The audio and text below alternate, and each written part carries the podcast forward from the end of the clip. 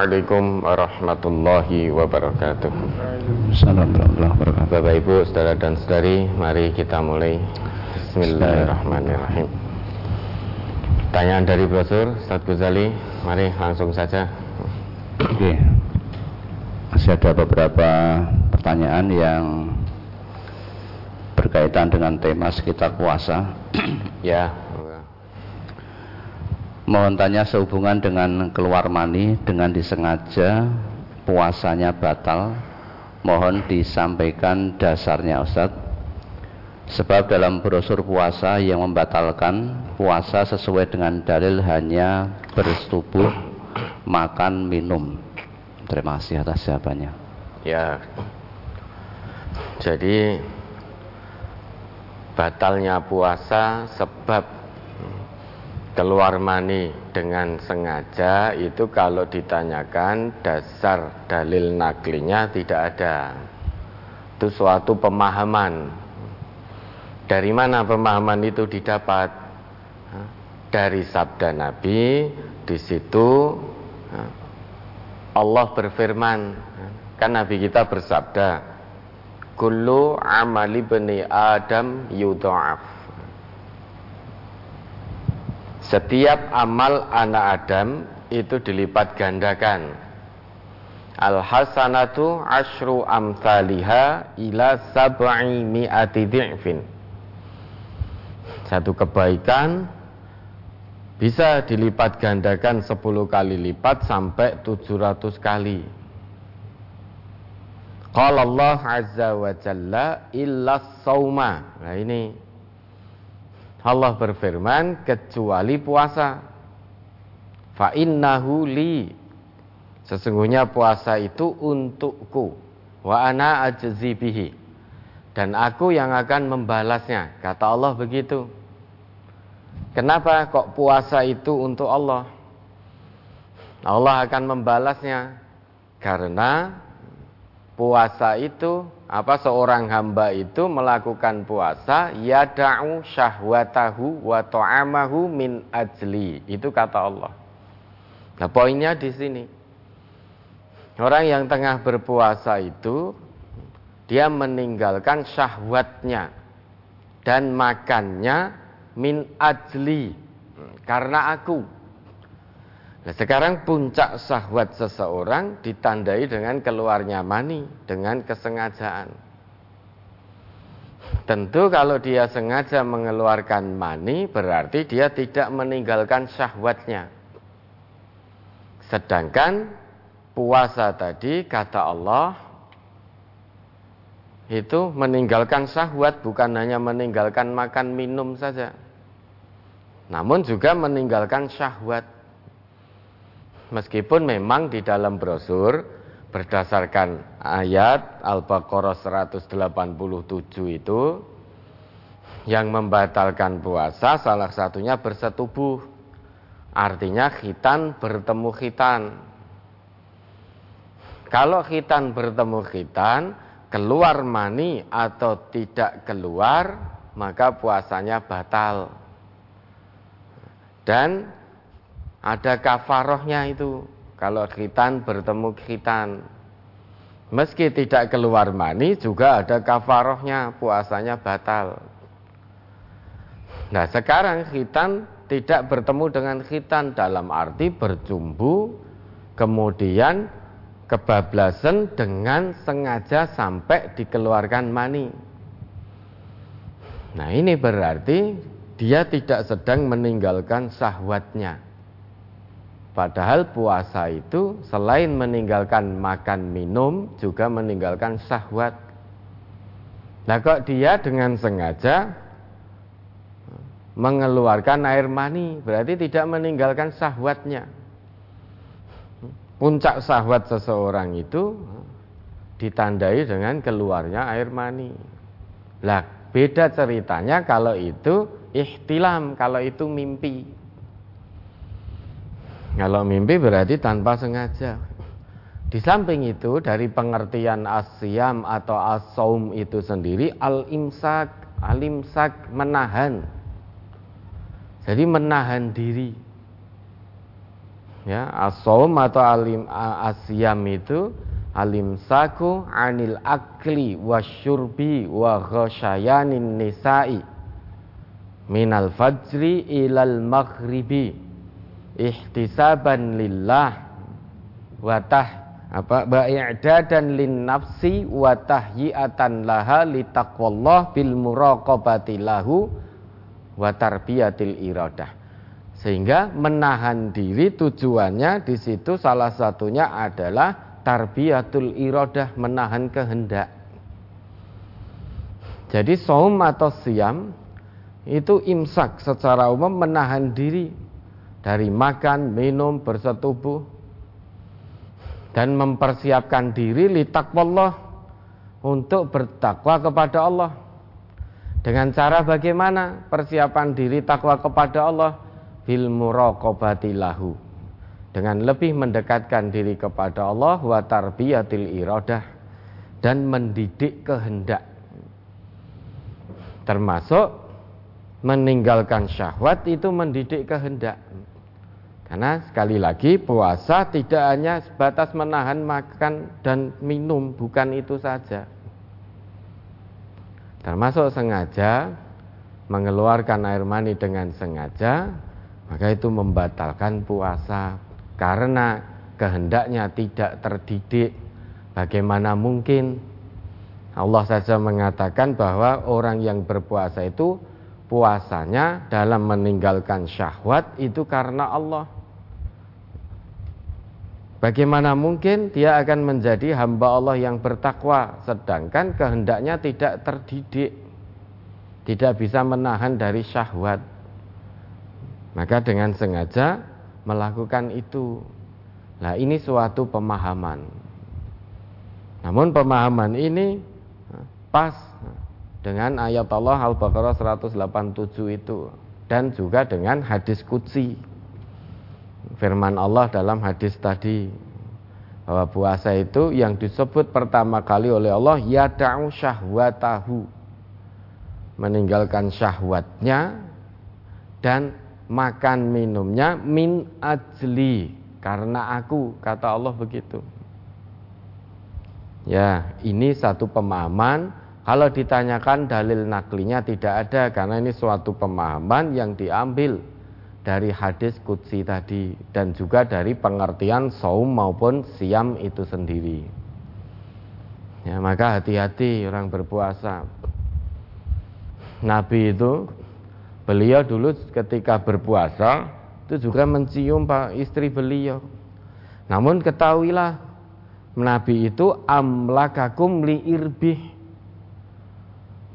yang orang yang paling bisa menahan hawa nafsunya di antara kalian.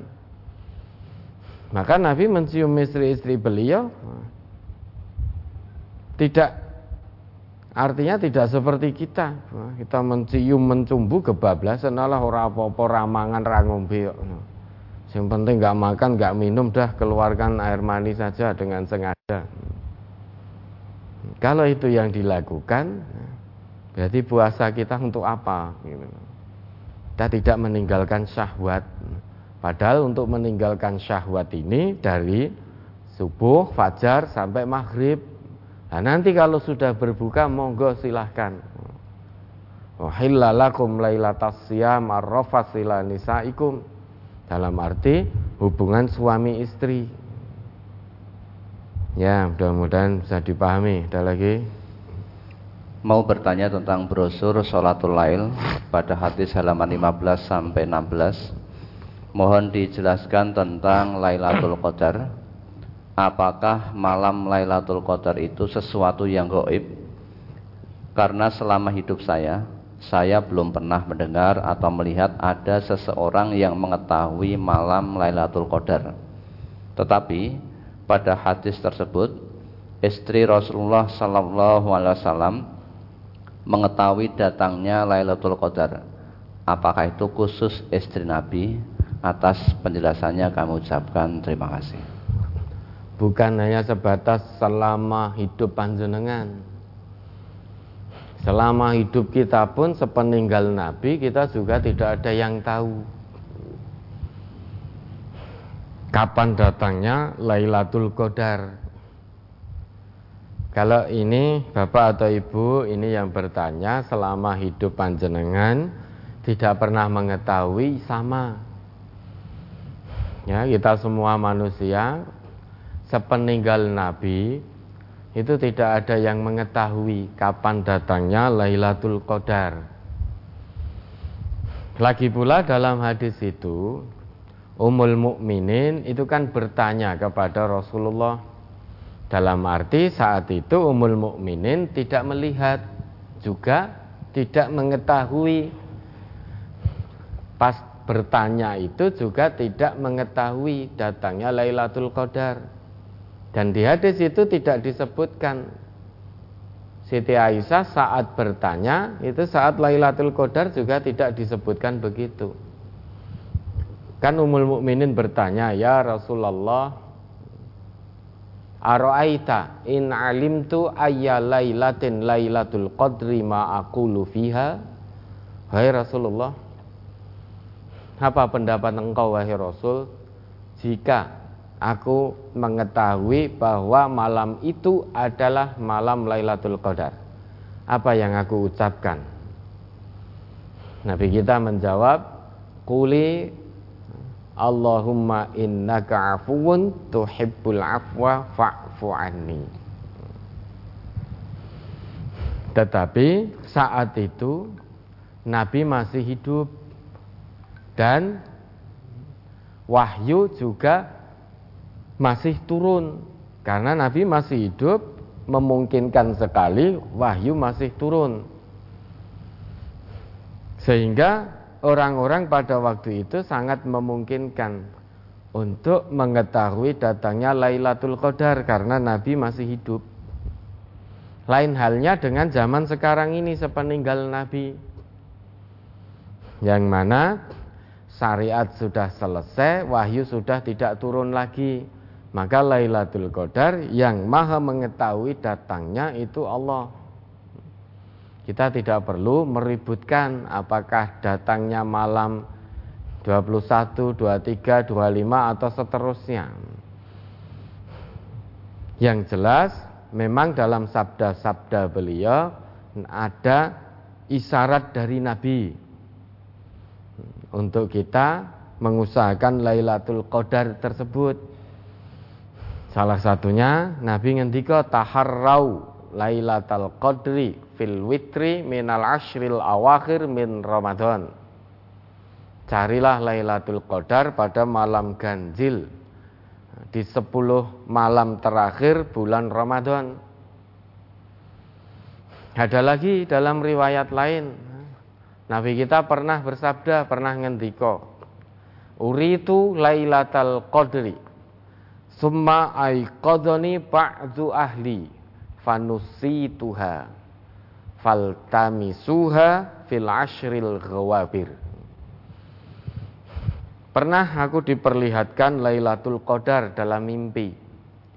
Namun tiba-tiba sebagian keluargaku membangunkanku sehingga fanusi tuha sehingga aku dilupakan lagi untuk mengingatnya sehingga waktunya menjadi tidak pasti lagi. Faltamisuha fil ashril ghawabir Carilah Lailatul Qadar di 10 hari terakhir. Ya, ada lagi hadis dari Ubadah bin Somit yang mengatakan bahwa kharajan nabiyyu sallallahu alaihi wasallam liyukhbirana bilailatil qadri fatalaha rajulani minal muslimin faqala Kharajtu li ukhbirakum bilailatil qadri. Fatalaha fulanun wa fulanun farufi'at.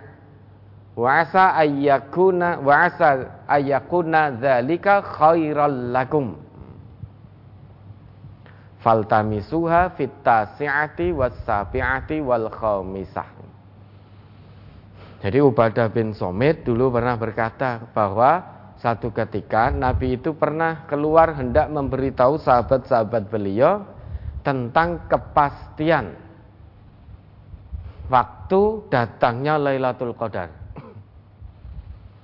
Namun sebelum Nabi memberitahu tiba-tiba dua orang muslim itu saling berselisih. Nah, lantas Nabi bersabda, "Kharajtu li ukhbirakum bilailatil qadri."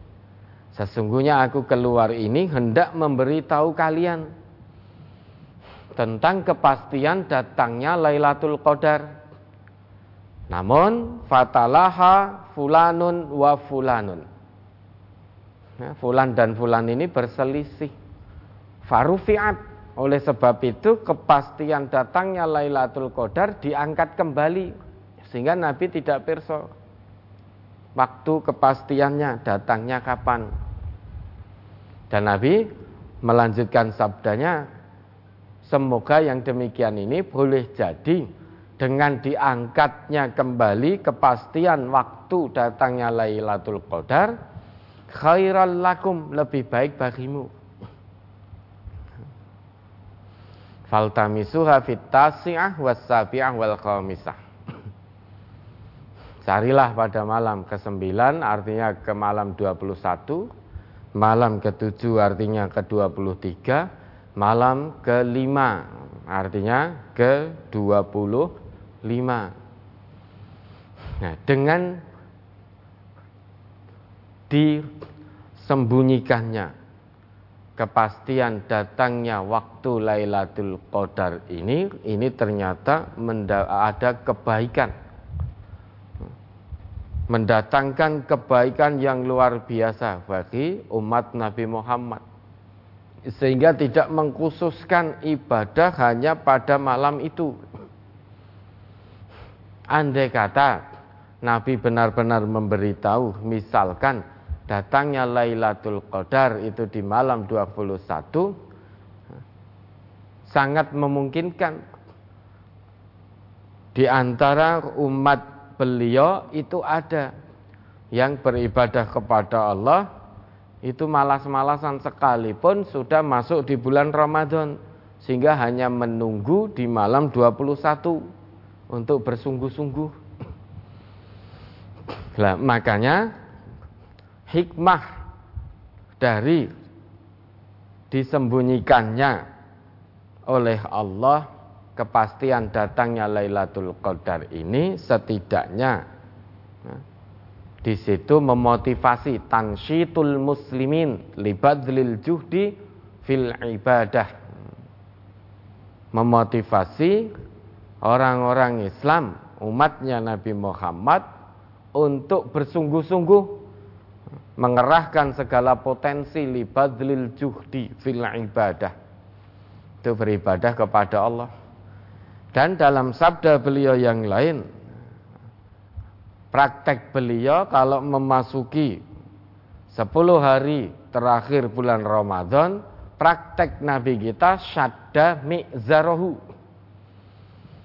ya, mengencangkan ikat pinggang lebih tekun, lebih giat lagi, lebih bersemangat lagi, lebih dekat lagi kepada Allah. Itu Nabi. Seorang Rasul kekasih Allah maksum. Tapi ibadahnya luar biasa. Di samping itu ahya lailahu. Beliau menghidupkan malam-malam itu. Artinya lebih menghidupkan lagi daripada sebelumnya. Bukan berarti Nabi malam-malam sebelum itu tidak menghidupkan, juga menghidupkan, namun itu di 10 hari terakhir lebih menghidupkan lagi. Ditambah pula wa ahlahu. Membangunkan keluarga beliau. Ini praktek Nabi. Lah sekarang kita sebagai umat beliau tidak hidup sezaman dengan Nabi, tidak bertemu beliau sekarang kepastian datangnya Lailatul Qadar itu hanya Allah yang mengetahui. Lah, di antara umat Islam sampai hari ini atau bahkan nanti sampai hari kiamat itu masih memperdebatkan apakah malam Lailatul Qadar itu datang setiap bulan Ramadan ataukah kejadian hanya sekali pada waktu itu. saat turunnya Al-Quran dari lauh mahfud ke langit dunia. 30 juz langsung jumlah wahidah sekali tempo. Dan turunnya ke, kepada Nabi secara munajjaman secara berangsur-angsur. 30 juz dari Allah turun dari lauh mahfud ila sama dunya ke langit dunia 30 juz itu jumlah wahidah. 30 juz sekali tempo. Namun turunnya kepada Nabi itu munat zaman berangsur-angsur. Tidak 30 juz sekaligus itu tidak. Namun berangsur-angsur. Lah turunnya dari lauh mahfud itu sekali tempo. Langsung 30 juz dan waktu turunnya itu dijaga oleh seluruh malaikat. Sehingga pada waktu turun Al-Quran itu dari loh mahfud ke langit dunia maka malam itu lebih baik daripada seribu bulan. Sehingga ada yang mengatakan bahwa kejadian itu hanya satu kali yaitu pada waktu itu melihat dari firman Allah inna anzalnahu fi lailatul qadar. Inzal itu berarti sekali tempo. Inzal itu berarti hadisah wahidah, kejadian sekali. Inzal. Memang turunnya Al-Qur'an itu inzalnya memang sekali. Hanya waktu itu, malam itu. Namun ada lagi sebagian ulama bahkan mayoritas ketika melihat ayat Allah tanazzalul malaikah waruhu fiha. Tanazzal. Di situ menggunakan fi'il mudhari. Hudzifatit ta al ula tak yang kedua yang pertama dihilangkan. Aslinya tatanazzalu Aslinya tatanazzalul malaikatu dan seterusnya. Tetapi tak yang pertama itu dihilangkan sehingga menjadi tanazzal. Tanazzal fi'il mudhari' yufidut tajaddud wal istimrar. Fi'il mudhari' itu mengandung makna timbul tenggelam dan kontinuitas. Sehingga dari sini dan berdasarkan hadis Nabi tadi ada yang meyakini bahwa Lailatul Qadar datang di setiap bulan Ramadan. Namun ada pula yang meyakini bahwa Lailatul Qadar yang dimaksud oleh ayat itu yaitu inzalnya itu hanya satu kali yaitu pada malam itu disebutkan lebih baik daripada seribu tahun karena seribu tahun sebelum turun Al-Quran Dibandingkan satu malam saat Quran turun Tentu lebih baik satu malam ini Daripada seribu bulan sebelum Quran turun. Karena Quran itu hudal linnas wa bayyinatim minal huda wal furqan. Petunjuk bagi manusia dan penjelas dari petunjuk itu juga sebagai pembeda mana yang hak, mana yang batil. Maka kejadiannya hanya saat itu. Sehingga turunnya Al-Quran merupakan satu peristiwa yang sangat agung. Satu peristiwa yang sangat dahsyat di mana tidak seharusnya umat Islam di mana pun berada sampai akhir zaman sampai akhir dunia tidak seharusnya umat Islam melupakan tentang agungnya peristiwa itu. Yaitu turunnya Al-Quran. Maka tidak seharusnya umat Islam itu melupakan tilka zikroyat peristiwa-peristiwa yang terjadi pada malam yang agung itu. Nah dari sini kemudian dipahami bahwa tanazzal fi'il mudhari di situ ada yang mengatakan memang menunjukkan makna tajadud dan istimror namun bukan inzalnya melainkan keberkahannya keberkahan dari malam Lailatul Qadar peristiwa itu sehingga tidak seharusnya dilupakan maka di kita diingatkan terus diperingatkan terus dan diperingati. Karena di situ banyak keberkahannya. Sehingga tanazal di situ yang dimaksud adalah turunnya berkah dari Lailatul Qadar tersebut. Kalau sudah begini pendapat ini kedua-duanya tidak bisa dipertemukan. Yang satu mengatakan hanya pada waktu itu Lailatul Qadar. Yang lain jumhur ulama menyebutkan bahwa Lailatul Qadar datang di setiap bulan Ramadan. Semuanya berdasarkan argumen. Berdasarkan argumen. Ada lagi yang mengatakan Lailatul Qadar itu bukan inzalnya tapi tanazalnya berarti keberkahannya. Kalau inzalnya sudah jelas selesai. Inzal penurunan Al-Qur'an itu sudah jelas, sudah jelas. Sekali tempo dari lauh mahfud ke langit dunia.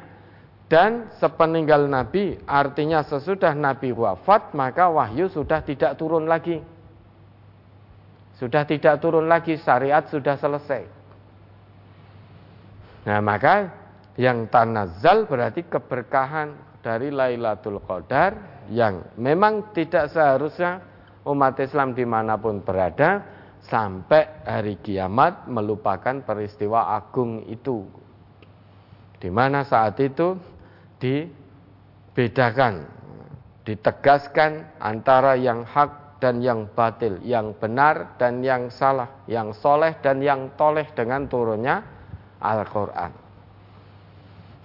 Kalau di antara pendapat sudah tidak bisa dikompromikan, tidak bisa dipertemukan, maka kita bagaimana? Kita lihat praktek Nabi.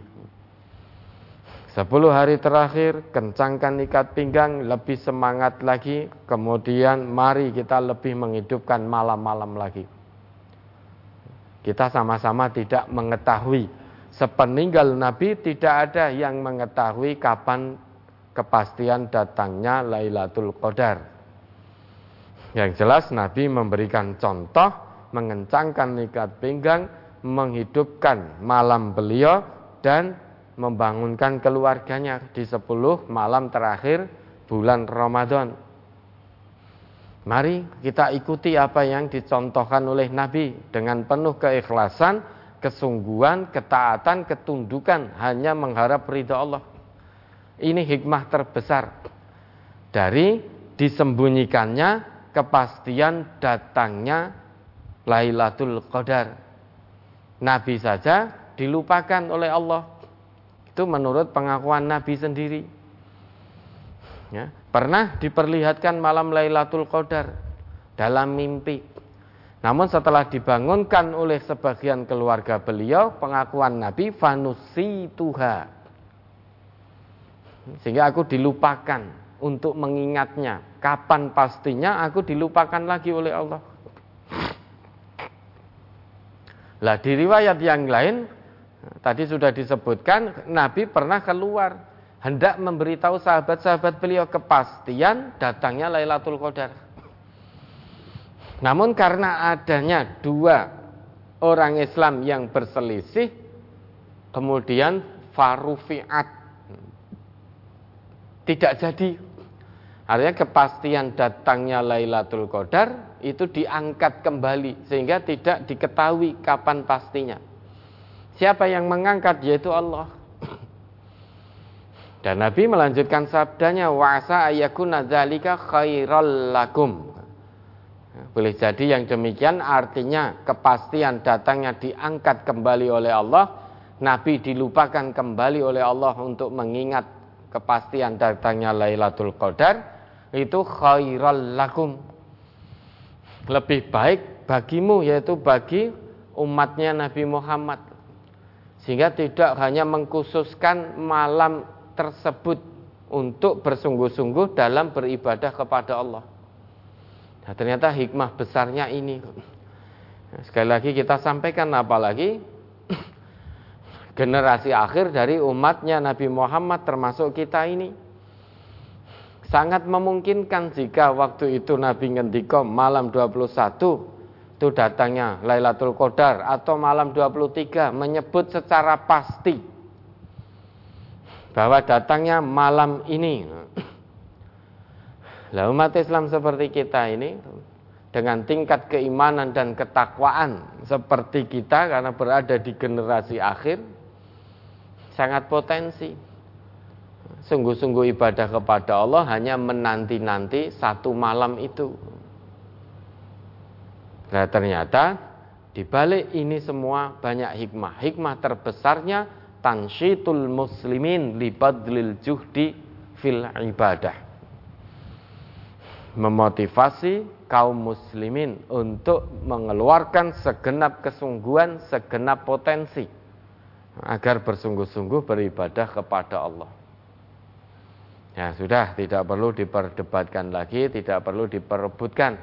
Yang jelas apa? Yang jelas maksudnya tidak perlu diperebutkan itu tidak perlu diperebutkan lagi bahwa pendapat pendapatku yang betul, pendapatmu yang salah terkait Lailatul Qadar. Yang sana juga pendapatku yang betul, pendapatmu yang salah. Itu berarti memperebutkan pendapat masing-masing. Maka kita praktek saja yang dicontohkan oleh Nabi. Karena yang tahu datangnya Lailatul Qadar apakah setiap tahun atau hanya pada waktu itu itu hanya Allah kepastiannya. Perkara ternyata datang setiap 10 hari terakhir bulan Ramadan ada satu malam di situ ya alhamdulillah kalau ternyata pada waktu itu hanya sekali saja ya alhamdulillah kita semangat dengan penuh keikhlasan beribadah kepada Allah dengan penuh kesungguhan ya, kalau ibu atau bapak tadi sepanjang hayat ibu atau bapak belum pernah mengetahui, kita pun sama. Sepeninggal Nabi tidak ada yang mengetahui secara pasti kapan datangnya Lailatul Qadar. Ini urusan gaib yang mengetahui hanya Allah. Namun kita mengimani sepenuh hati ada satu malam itu. Entah malam itu terjadi hanya sekali tempo pada waktu itu dan di setiap tahun ini hanya keberkahan dari malam itu yang datang atau setiap bulan Ramadan datang terus Lailatul Qadar wallahu a'lam. Dah kita tidak usah meraba-raba, tidak usah menduga-duga, oh malam ini Lailatul Qadar. Kenapa? Karena hujan, angin semilir. Iya, hujan di sini. Di wilayah lain ternyata tidak. Oh ini malam 21 atau malam 23 gerimis, mendung, angin sepoi-sepoi. Ternyata hanya di Solo misalkan. Di Jakarta sana tidak hujan. Berarti apakah di Jakarta tidak Lailatul Qadar? Belum lagi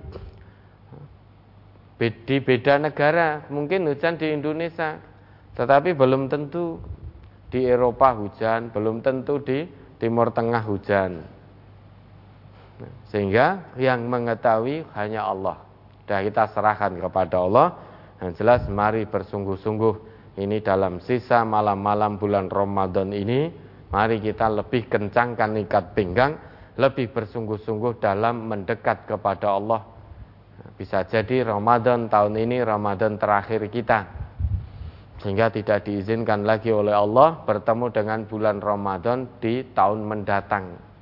Itu hikmah terbesar dari disembunyikannya bulan apa datangnya Lailatul Qadar. Yang mengetahui hanya Allah sudah cukup hentikan perdebatan, hentikan perselisihan. Mari kita bersungguh-sungguh mendekat kepada Allah.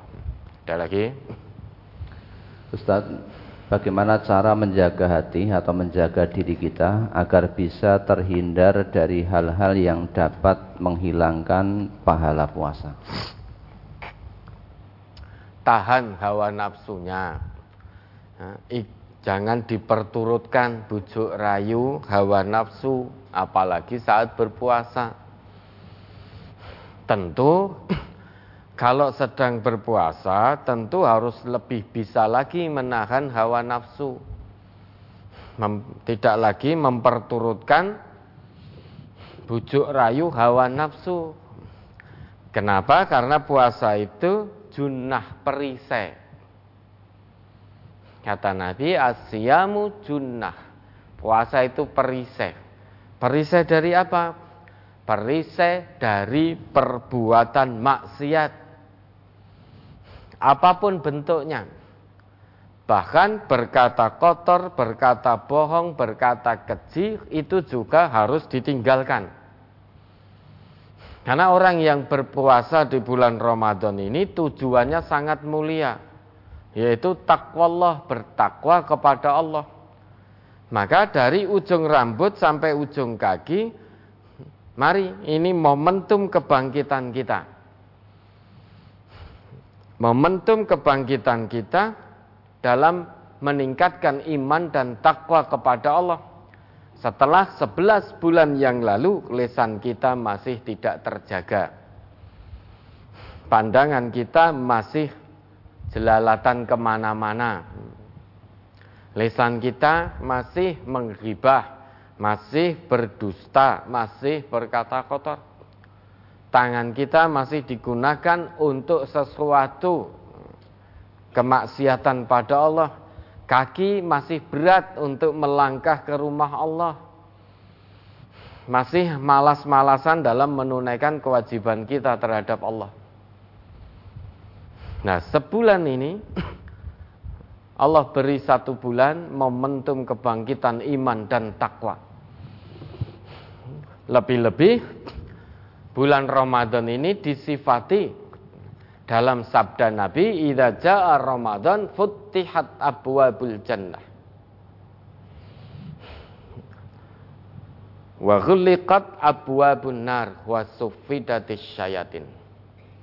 Apabila datang bulan Ramadan, pintu-pintu surga dibuka. Dalam arti apa? Orang-orang itu senantiasa berlomba menjalankan kebaikan. Saat di bulan Ramadan, yang sebelum datang bulan Ramadan ada manusia yang ngaku Islam sholatnya orang genah. Bahkan sholatnya mungkin hanya Jumatan tok seminggu pisan sama setahun dua kali. Namun saat datang bulan Ramadan, dia tiba-tiba sergap sholat lima waktu ke masjid. Bukan hanya lima waktunya saja. Sunnahnya khususnya sholat tarwehnya juga dia lakukan dengan penuh kesungguhan. Sehingga hampir setiap umat, setiap manusia yang ngaku Islam itu hampir semuanya di saat datang bulan Ramadan tiba-tiba semuanya ingat kebaikan. Yang di luar bulan Ramadan enggan bersedekah, eman-eman meski hanya dengan sebungkus nasi, nasi telur misalkan. Nah sekarang ini di bulan Ramadan kita lihat di jalan-jalan itu banyak komunitas-komunitas yang berbagi takjil artinya bersedekah. Tetapi nanti di hari terakhir buka puasa, sisuke wis ora enek sing bagi takjil, sing bagi sedekah nasi bungkus itu sudah jarang ditemukan. Kalau saat ini masih di bulan Ramadan, hampir di setiap sudut, di setiap jalan kita temukan komunitas-komunitas yang berlomba-lomba berbagi sedekah, berbagi takjil nasi bungkus. Kadang di sini ada, di lampu merah sini, lampu merah berikutnya juga ada. Artinya semua berlomba dalam kebaikan. Tiba-tiba ingat kebajikan semua. Takut semua untuk melakukan dosa. Hmm? Yang dulu kerjaannya mencuri, korupsi, bulan Ramadan mandek sik, wedi Padahal sama saja bulan Ramadan, di luar bulan Ramadan namanya mencuri, korupsi, dosa. Kalau menurut Islam potong tangan. Orang yang di luar bulan Ramadan sukanya hobinya zina, saat Ramadan ternyata ya mikir. Mandek sik zina nih. Kenapa menghormati bulan Ramadan? Ini seolah-olah pintu-pintu surga dibuka oleh Allah. Karena orang yang ngaku Islam ingat semuanya pada kebaikan. Sangat takut untuk melakukan dosa. Bahkan ada yang sedekah, infak, ataukah apa pun lah. Itu mau sedekah, tapi menawi bisa, kalau bisa saat bulan Ramadan. Ada yang begitu. Dia memang kebaikan-kebaikan dengan bulan Ramadan itu mengingatkan orang yang pernah ngaku beragama Islam terhadap kebaikan. Nah, kebaikan itu albir itu yahdi ilal jannah akan mengantar pelakunya ke surga sehingga seolah-olah karena semua atau mayoritas orang yang pernah ngaku Islam semuanya berbuat baik seolah-olah semua pintu surga terbuka. Pintu neraka tertutup. Kenapa? Ya karena manusia orang-orang Islam semua berlomba dalam kebaikan. Sehingga neraka seolah-olah tertutup. Dan wasufidatis syayatin. Setan-setan terbelenggu.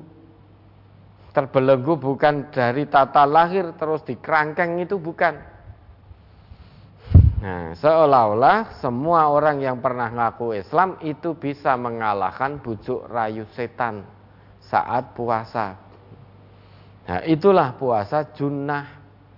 Nah, tentu kita di saat puasa ini karena momentum kebangkitan iman dan takwa, biar nilai puasa kita tetap didapat di sisi Allah, maka betul-betul jadikan puasa sebagai junnah, sebagai perisai. Kalau puasa sebagai sunnah berarti apa pun bujuk rayu setan maka jangan diperturutkan.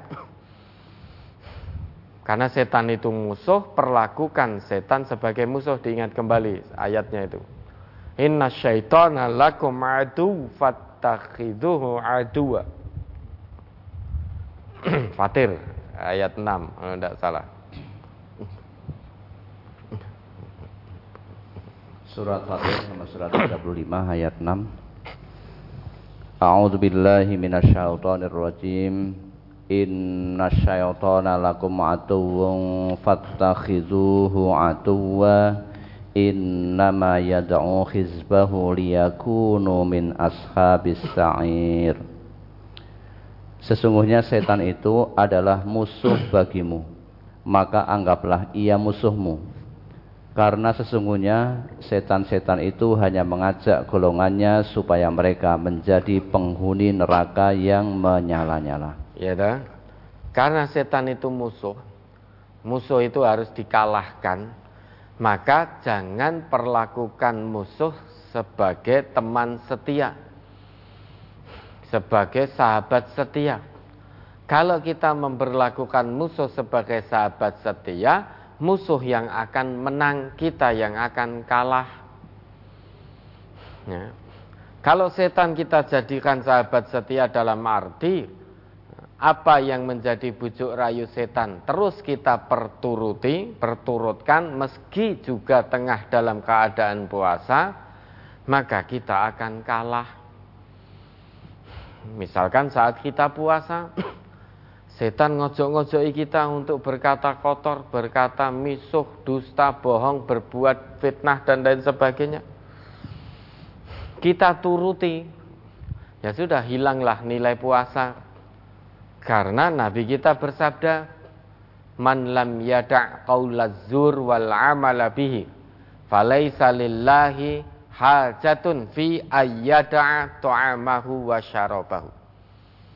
Siapa yang tidak meninggalkan perkataan maupun perbuatan dusta, artinya perkataan dan perbuatan maksiat kepada Allah, sedang dia berpuasa, maka Allah tidak punya kebutuhan apa pun terhadap dirinya dalam hal meninggalkan makan dan minumnya.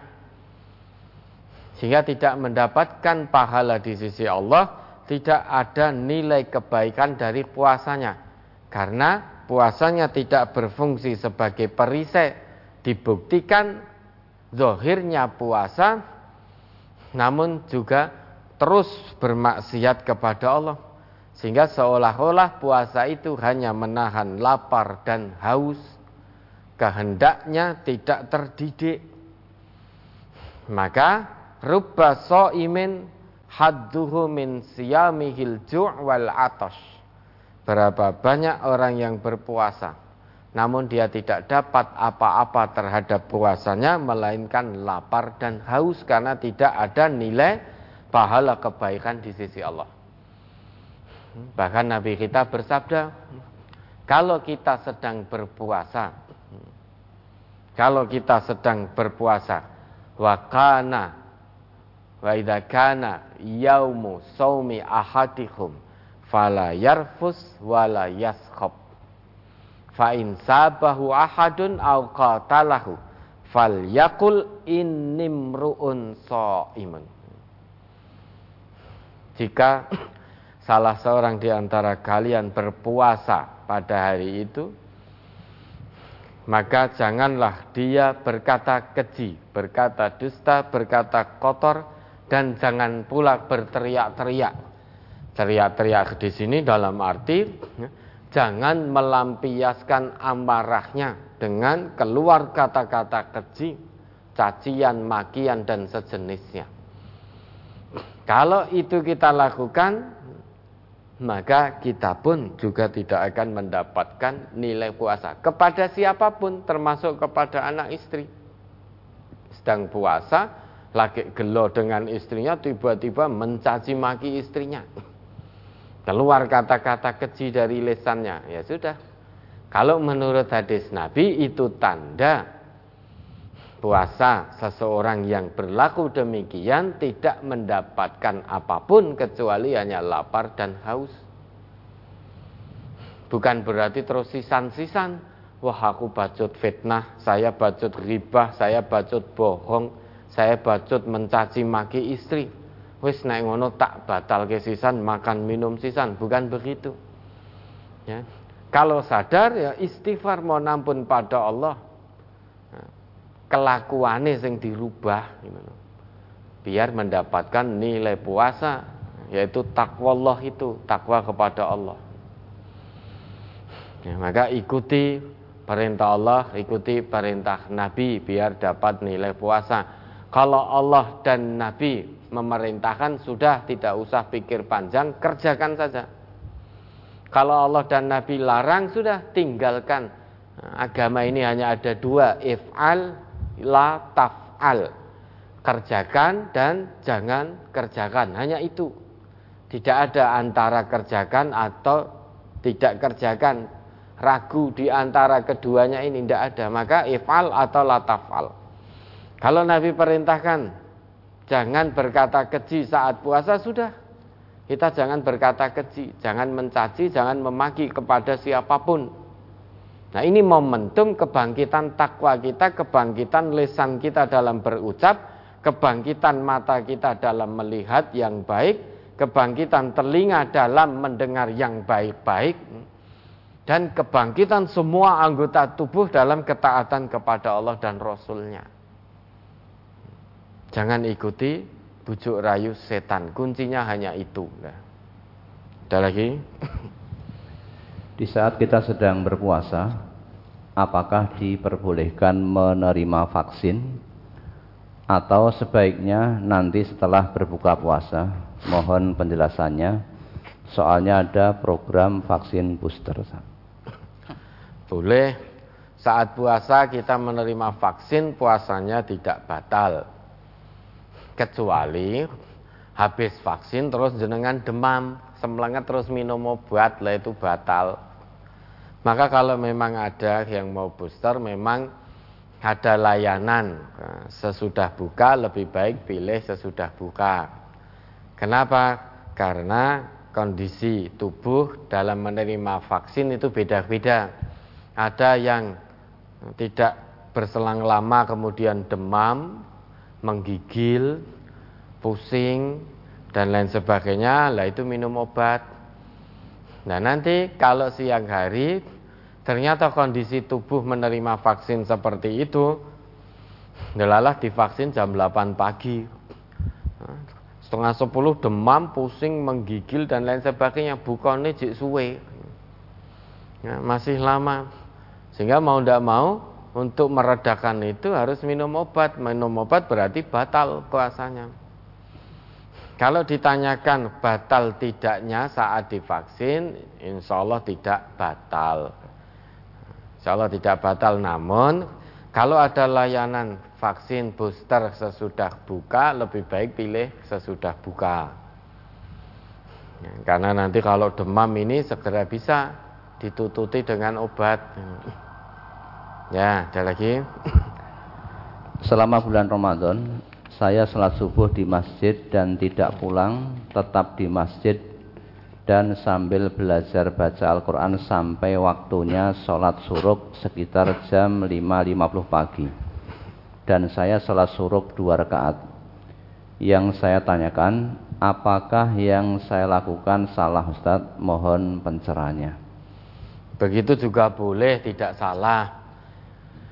Namun itu bukan sholat suruk itu sholat sholat duha di awal waktu. Kalau surat suruk pas isyrok pas matahari terbit itu malah justru kita dilarang untuk sholat. Ada tiga waktu kita dilarang sholat atau menguburkan jenazah di antara kita. Salah satunya ketika hina tatlai syamsu bazighatan hatta tartafi'a. Yaitu saat matahari itu fajar terbit yaitu pas suruk itu. Jadi pas jedul pas suruk itu kita dilarang sholat. Sampai meninggi hatta tartafia. Nah kalau yang dimaksud sholat suruk itu adalah sholat duha di awal waktu nah ibu begitu juga boleh tidak salah. Ya ada lagi? Mau tanya apa syariat puasa seperti yang Alustad terangkan? Seperti habis buka terus tidur kalau bangun tidak boleh makan tidak boleh minum kumpul suami istri sampai buka hari berikutnya. Pertanyaan apakah syariat puasa seperti itu ada di kitab Taurat dan Injil sebelum datang ayat dalam Al-Quran seperti sekarang. Itu disebutkan di dalam Taurat maupun Injil itu saya tidak tahu yang jelas. Nabi kita menegaskan hal itu.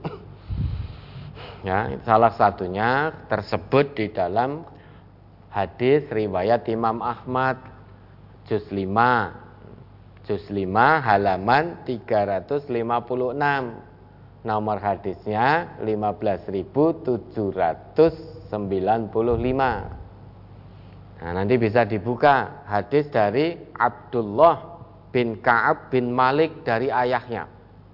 An Abdullah bin Malik An Abdullah bin Ka'ab bin Malik an abihi yuhaddisu yuhaddisu an abihi.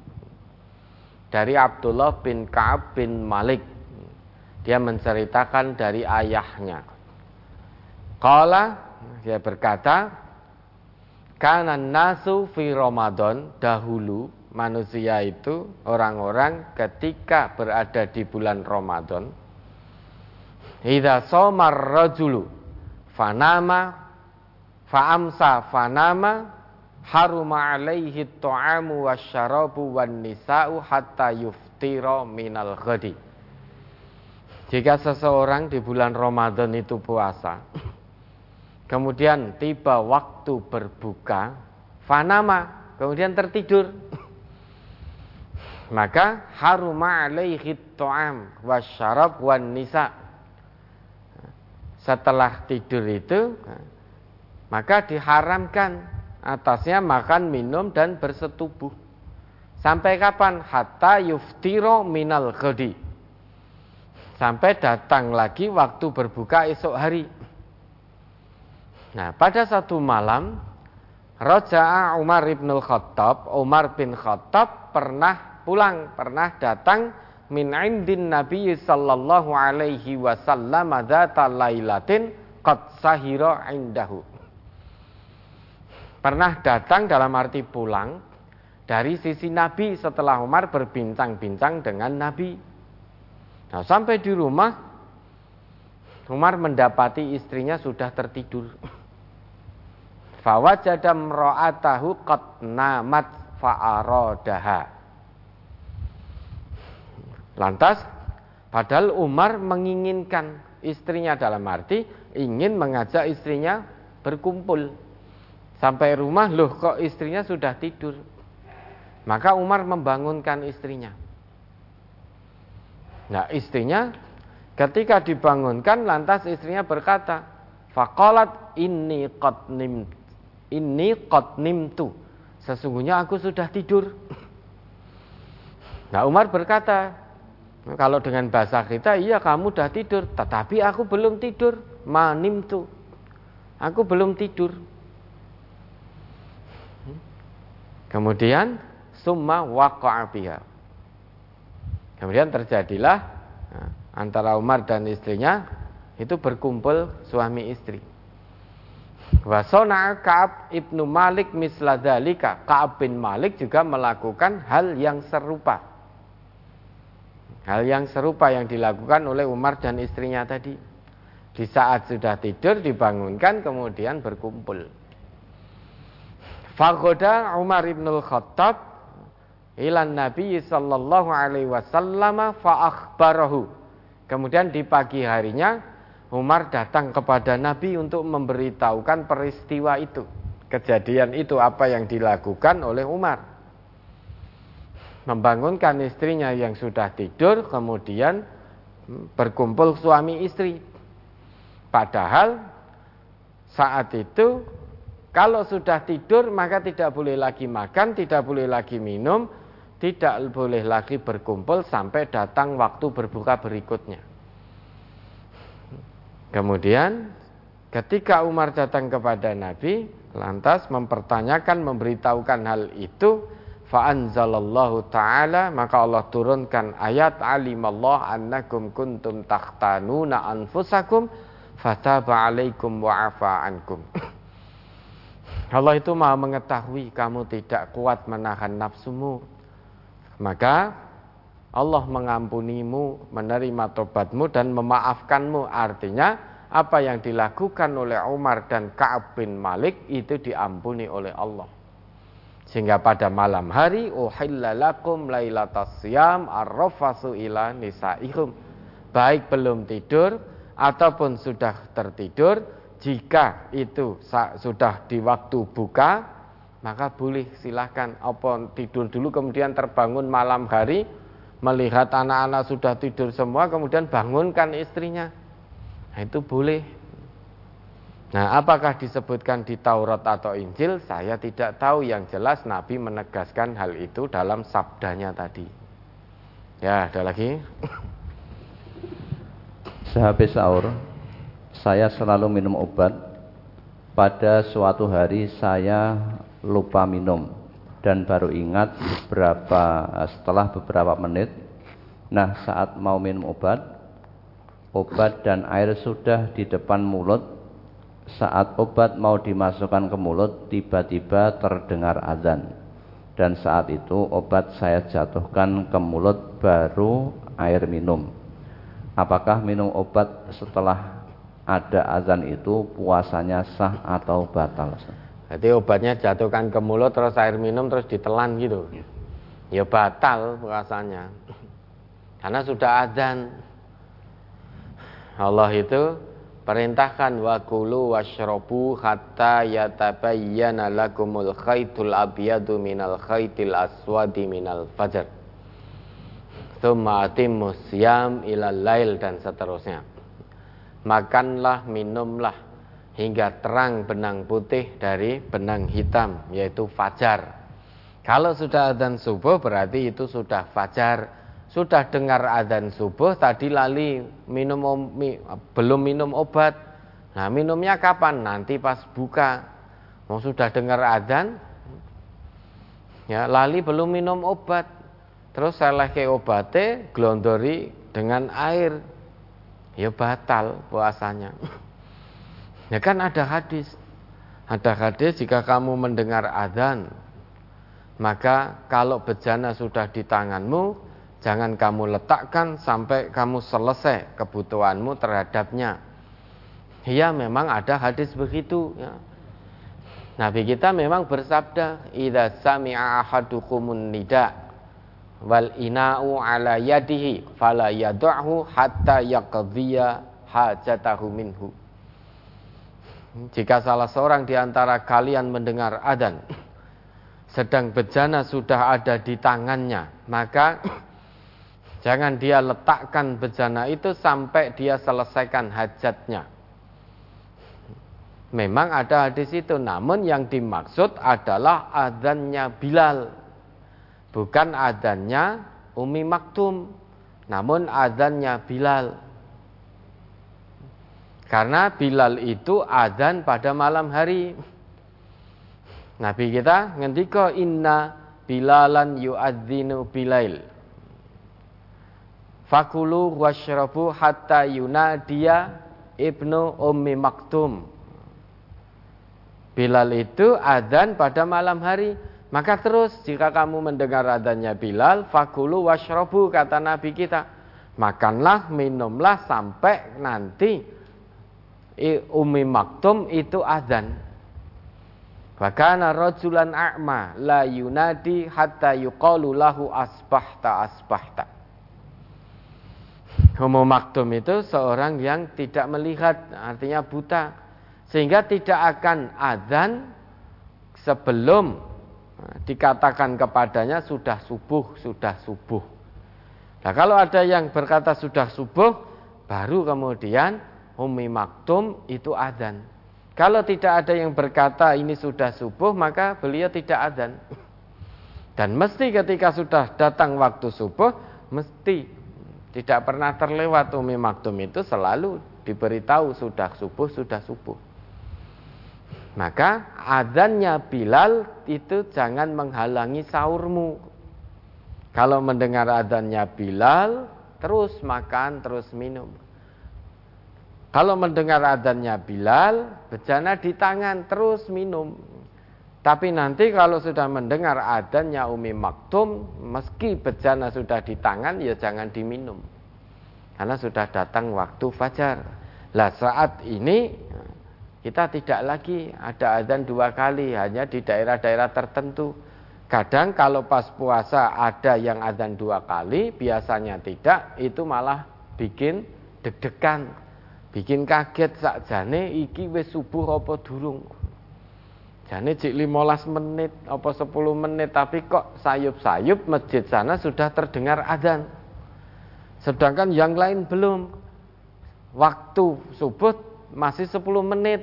Nah, masjid yang lain belum dan di waktu ditunjukkan masih 10 menit. Tetapi sudah mendengar sayup-sayup adzan jadi ragu kita. Kok jojo wis subuh. Tapi nek wis subuh kok mung kono tok ini waktunya juga belum. Kita jadi ragu, jangan-jangan jam saya yang terlambat. Nah, maka kalau sekarang kita mendengar adzan, yaitu waktu subuh sudah. Maka jangan minum, jangan makan, juga termasuk jangan minum obat. Kalau tadi minum obat, ya batal puasanya. Ya, ada lagi. Apakah membatalkan puasa kalau menggunakan obat tetes mata untuk mengobati mata yang sakit pada siang hari? Karena biasanya setelah pemakaian obat tetes mata ada terasa pahit di tenggorokan. Mohon pencerahannya. Insya Allah tidak puasa menggunakan obat tetes mata meskipun di tenggorokan terasa pahit. Insya Allah puasanya tidak batal. Ya, ada lagi. Ustadz, saya dulu sebelum mengaji di MTA, di waktu puasa pernah bersetubuh dengan istri, namun sudah disaur hutang puasanya. Apakah perbuatan ini dapat diampuni oleh Allah? Diampuni atau tidak itu urusan Allah. Yang jelas kewajiban Bapak dan Ibu bertobat kepada Allah. Meski itu suami istri yang sah secara syariat, namun ternyata ada larangan saat siang hari bulan Ramadan, saat puasa suami istri kumpul. Itu ada larangan, berarti melanggar larangan. Melanggar larangan agama, berdosa.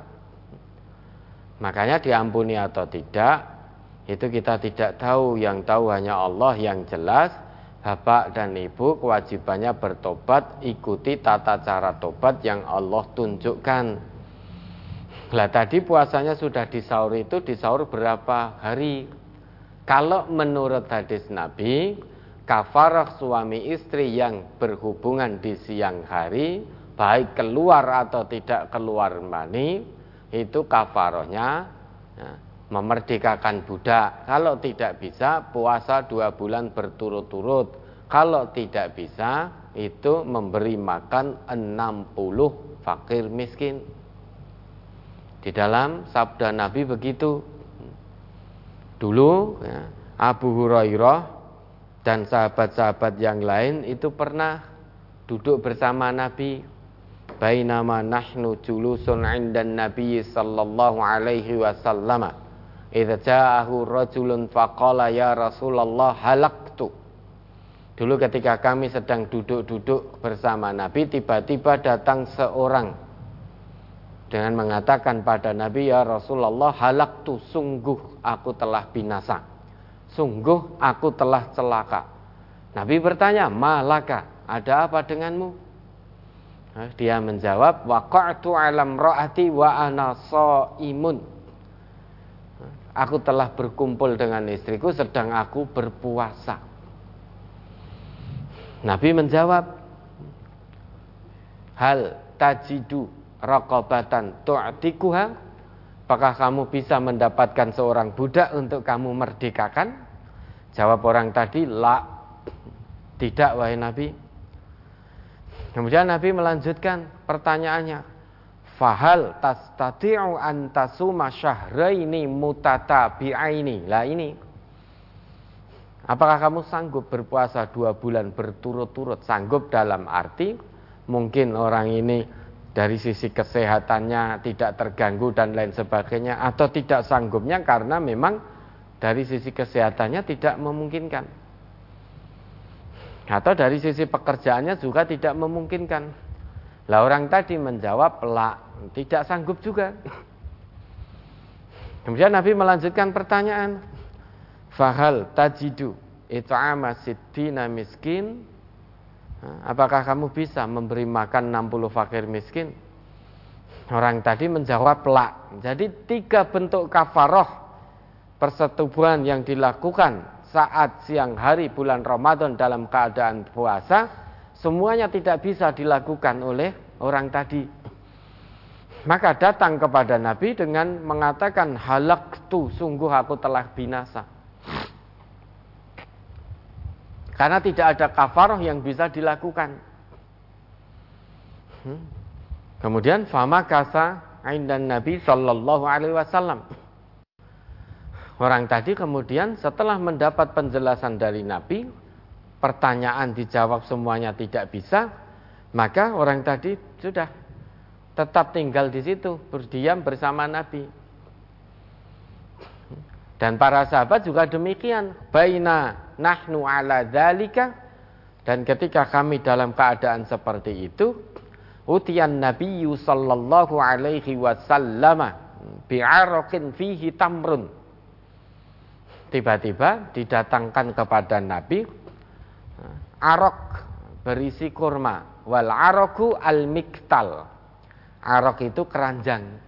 Sehingga tiba-tiba didatangkan kepada Nabi satu keranjang penuh berisi kurma. Lantas Nabi bertanya aina sail? Mana yang bertanya tadi? Saya wahai Rasulullah.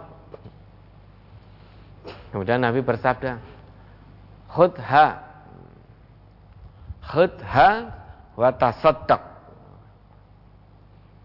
Ini ambil ini kemudian sedekahkanlah ini. Nah, orang tadi bingung, lantas bertanya pada Nabi, A'ala afqara minni ya Rasulullah? Apakah terhadap orang yang lebih fakir dariku wahai Rasulullah? Fawallah ma baina labataiha yuridu al harratain ahlu baitin afqara min ahli baiti. Kalau harus aku sedekahkan kepada orang yang lebih miskin dariku wahai Rasulullah, sungguh demi Allah. Sungguh demi Allah. Tidak ada di antara dua tepian kota Madinah, maksudnya dua tanah berbatu hitam, itu keluarga yang lebih miskin, yang lebih fakir daripada keluarga wahai Rasul. Nah, mendengar jawaban itu Rasulullah tertawa. Fadhahikan Nabi sallallahu alaihi wasallam hatta badat anjabuhu sampai terlihat gigi taring beliau. Kemudian beliau melanjutkan at'imhu ahlaka. Ya sudah, beri makan keluargamu dengan satu keranjang kurma ini. Artinya kalau persetubuhan suami istri di siang hari dalam keadaan puasa. Ya, dalam keadaan puasa karena memang tidak ada halangan, tidak ada uzur untuk dibolehkan untuk tidak puasa. Sehingga persetubuhan dilakukan di saat puasa. Maka harus membayar kafaroh. Salah satunya puasa dua bulan berturut-turut. Atau memberi makan fakir miskin 60 60 fakir miskin Nah sekarang memerdekakan budak hampir tidak ada lagi sekarang. Nah, Berarti tinggal dua itu.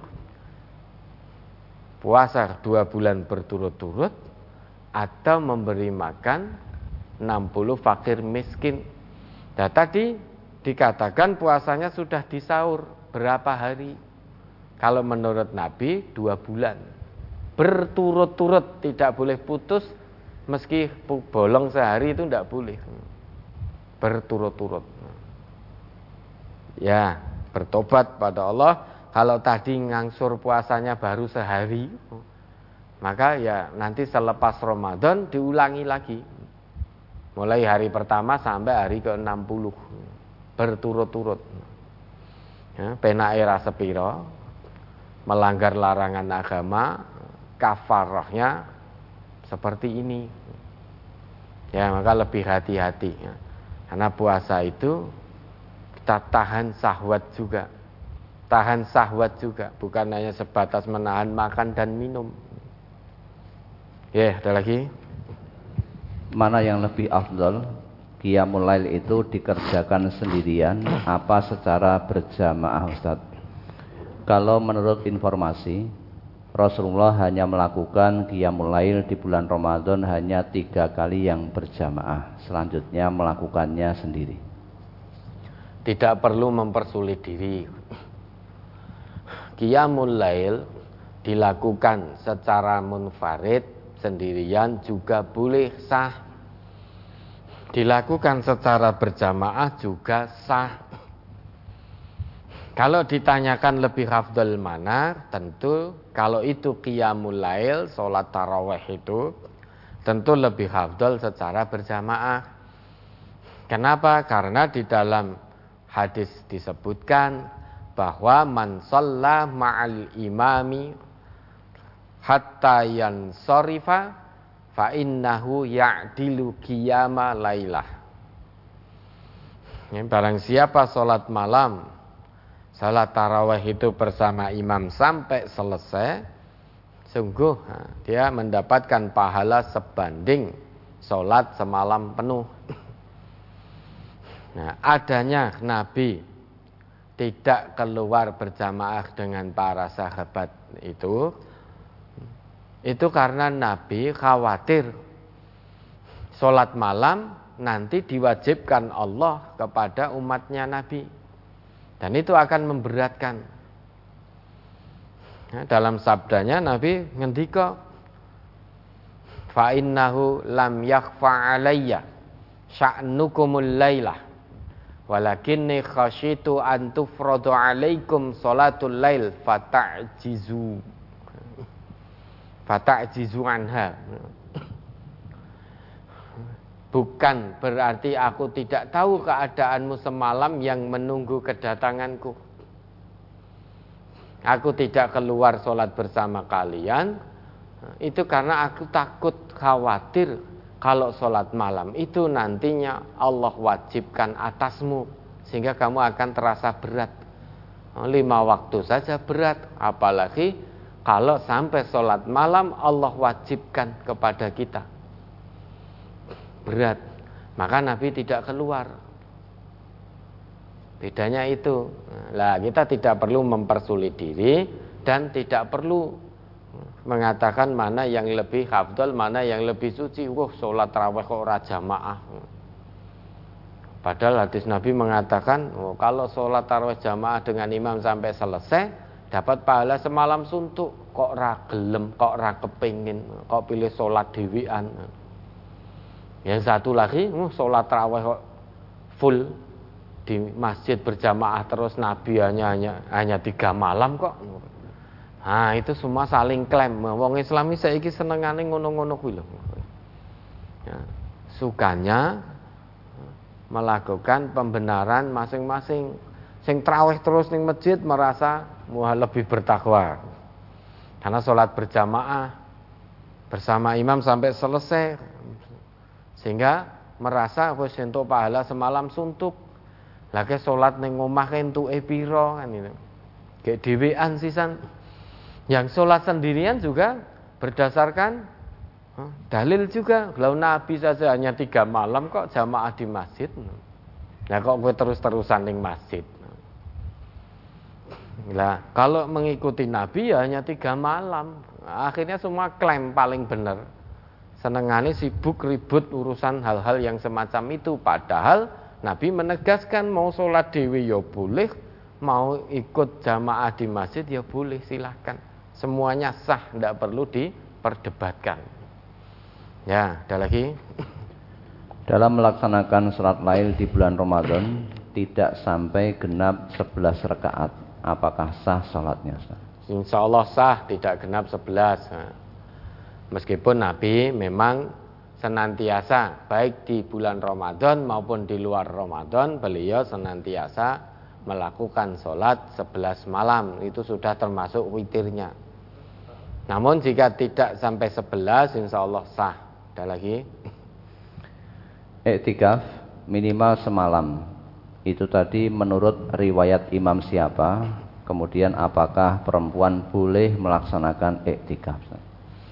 Menurut hadis yang diriwayatkan oleh Imam Bukhari terdapat dalam juz 2 halaman 259. Dalam hadis itu disebutkan bahwa dulu Umar bin Khattab pernah bertanya pada Nabi ya Rasulullah inni nazartu fil jahiliyati an a'takifa lailatan fil masjidil haram Wahai Rasulullah dulu pada saat jahiliyah aku pernah bernazar beriktikaf satu malam di Masjidil Haram.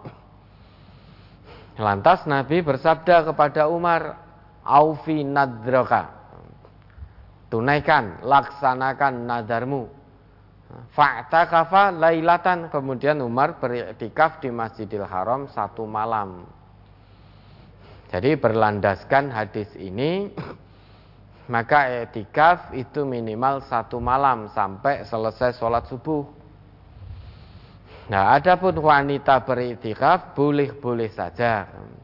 Karena dulu istri-istri Nabi sepeninggal Nabi beliau-beliau juga beriktikaf. Disebutkan dalam satu riwayat bahwa annan Nabi sallallahu alaihi wasallam kana ya'takifal kana ya'takiful ashral awakhir min Ramadan hatta tawaffahullah. Dulu Nabi itu beritikaf 10 hari terakhir sampai Allah mewafatkan beliau. Summa atakafa azwajuhu min ba'dihi Kemudian sesudah itu istri-istri beliau beriktikaf artinya sesudah Nabi Sedo istri-istri Nabi itu beriktikaf. Maka boleh wanita beriktikaf dengan catatan ya. Tentu dengan catatan tidak menimbulkan fitnah. suaminya di rumah, istrinya iktikaf. Bisa timbul fitnah. Maka kalau suaminya di rumah, ya istrinya tidak perlu iktikaf. Karena kewajiban di rumah untuk suami itu adalah suatu kewajiban iktikaf sunnah. Kalau suaminya di rumah, maka istri tidak perlu iktikaf karena akan timbul fitnah. Itu yang pertama. Yang kedua, ada tempat yang memungkinkan untuk beriktikaf. Kalau tempatnya terbuka atau hanya saternya cuma pendek, ya cuma seperut, cuma ini sehingga tidak tertutup, masih terlihat diinguk ini ya cik ketok, sehingga campur dengan laki-laki maka wanita tidak perlu itikaf karena tidak ada tempat yang memungkinkan. Namun kalau di masjid itu ada tempat tertutup sehingga tidak terlihat, maka boleh silahkan. Kemudian tidak sedang punya tanggungan di rumah, maksudnya masih punya anak kecil dalam tanggungan, dalam pendidikannya, apalagi dalam pengawasan masih disusui, tidak perlu iktikaf. Lah nanti anaknya di rumah, ibunya itikaf, anaknya nangis, jaluk mimik, minta susu, minta ASI, siapa yang mau? Mimi, Lah nek anaknya dibawa ke masjid, itu mengganggu nanti orang yang itikaf di situ, yang fokus konsentrasi. Karena anak masih kecil. Nanti nangis ini itu dan lain sebagainya. Lebih baik wanita yang memang punya tanggungan, punya kewajiban di rumah tangganya, ya, suami di rumah, misalkan atau tempat itu tidak ada yang khusus bagi wanita sehingga masih terlihat meski sudah ada saternya maka sebaiknya perempuan tidak beriktikaf kalau semuanya sudah aman betul-betul dinyatakan aman iktikaf bersama suami misalkan di satu tempat yang memang memungkinkan bagi perempuan tertutup betul terpisah betul baik makan minumnya, kamar mandinya, untuk istirahat tidurnya itu betul-betul tidak terlihat oleh jamaah laki-laki. Monggo silahkan. Namun jika terlihat, apalagi kamar mandinya masih campur tempat itikafnya, tempat tidurnya hanya disingget sater pendek sedada atau di atas kepala nih hanya sater. Nah itu berarti tempat tidak memungkinkan. Karena nanti pasti juga akan tidur istirahat. Tidak mungkin melek terus. Lelah juga akan istirahat. Nah setan itu pinter. Nanti nih pas ibu-ibu istirahat nah, Juga bapak-bapak banyak yang sudah lelah teristirahat juga Satu atau dua yang ikut etikaf Termakan bujuk rayu setan Jeruntul-jeruntul nelek nah, karena orang tidur itu terkadang tidak sadar gerakannya. Nanti pakaiannya tersingkap, auratnya terbuka, wah sudah timbul fitnah menjadi tidak baik. Namun jika keadaannya bisa dipastikan aman, tidak menimbulkan fitnah, monggo boleh. Ya, ada lagi. Mohon tanya, kalau etika apakah boleh ke rumah untuk mandi, berbuka dan sahur karena masjid dengan rumah tinggal saya dekat. Lah yang mbok wis ning omah wae. Kalau memang di masjid itu sudah ada fasilitas kamar mandi untuk mandi buang air hajat juga sudah ada. Maka usahakan mandi, buang air kecil, buang air besar itu di situ tidak pulang ke rumah. Lah nanti makan minumnya minta dikirim dari rumah. Maksimalkan betul iktikafnya.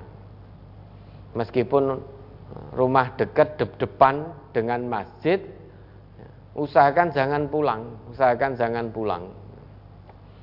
Ya, ada lagi. Apakah kalau berkumur dan menghirup air ke hidung saat berwudu di siang hari, saat puasa, lalu tidak sengaja tertelan, apakah puasanya batal?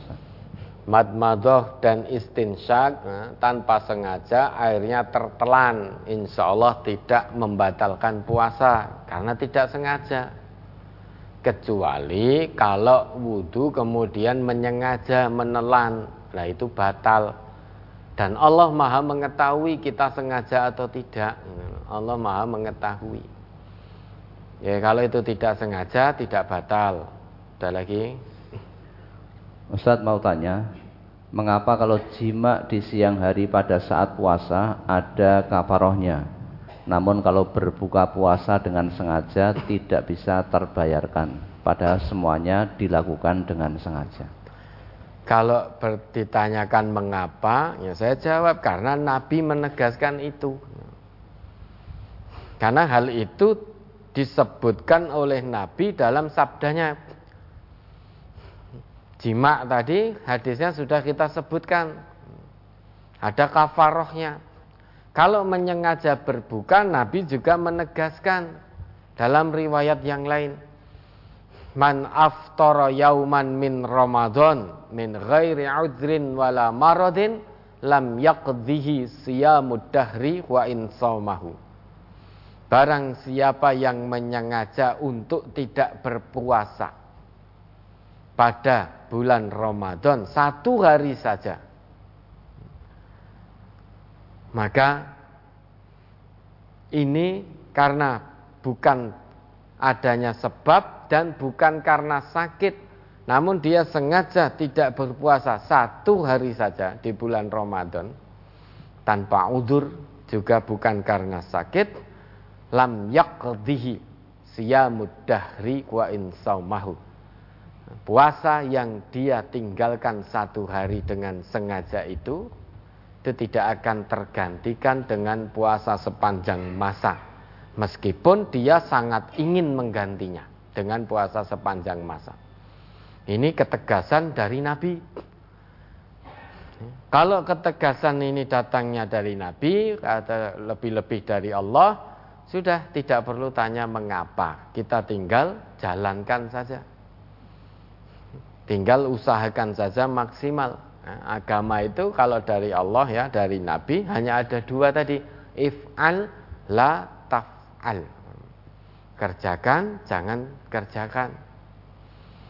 Kalau Nabi sudah buat ketetapan man aftoro yauman min Ramadan min ghairi udrin wala maradin maka mari kita berusaha untuk tidak meninggalkan satu hari pun puasa bulan Ramadan dengan kesengajaan. Kita berusaha betul.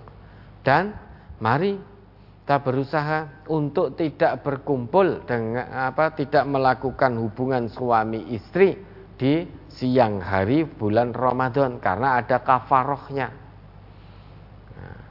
Nah, kalau tadi ditanyakan mengapa, ya jawaban saya, jawaban kami, ya karena Nabi menegaskan itu dalam sabdanya. Ya kita tinggal manut as-sam'u wa ta'ah sudah. Sudah selesai kalau begitu. Ya, ada lagi. Musafir diperbolehkan tidak berpuasa. Misalnya pada hari Senin akan mengadakan perjalanan dari Blora ke Jakarta. Apakah sebelum berangkat sudah tidak puasa? Apa tetap berpuasa dan ketika sudah di perjalanan baru membatalkan puasa? Kalau sudah musafir, ya, sudah berada dalam perjalanan, baru membatalkan puasa.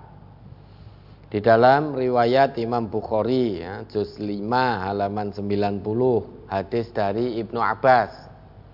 Diriwayatkan bahwa annan Nabiya sallallahu alaihi wasallam kharaja fi Ramadana minal Madinati wa ma'ahu asyratu alafin Dulu Nabi pernah keluar, keluar dalam arti safar bepergian di bulan Ramadan dari Madinah. Dan bersama beliau itu 10 ribu orang. Wadhalika ala roksi samani samani sinina wa nisfin min maqdamihil Madinah. Dan kejadian itu safarnya Nabi di bulan Ramadan bersama 10 ribu orang tadi terjadi di awal delapan setengah tahun. Ala roksi samani sinina wanisfin dari semenjak kedatangan beliau ke Madinah.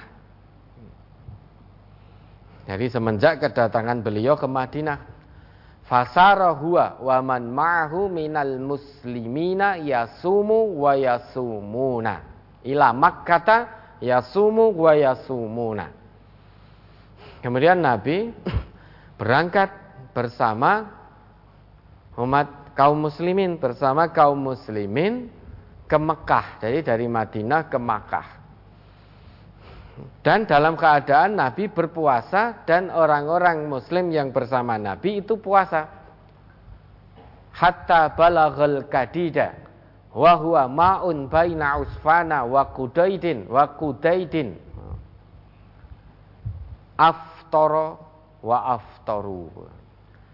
Sehingga sampai ketika perjalanan sampai Kadid, nah, Kadid itu sumber mata air yang terletak di antara Usfan dan Kudaid.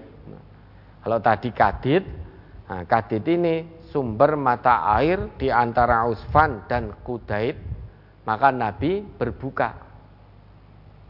Dan para sahabat, orang-orang yang ikut safar dengan Nabi tadi juga ikut berbuka. Di riwayat lain disebutkan setelah sampai Usfan, Nabi itu berbuka lantas melanjutkan perjalanan sampai Mekah dalam keadaan tidak berpuasa.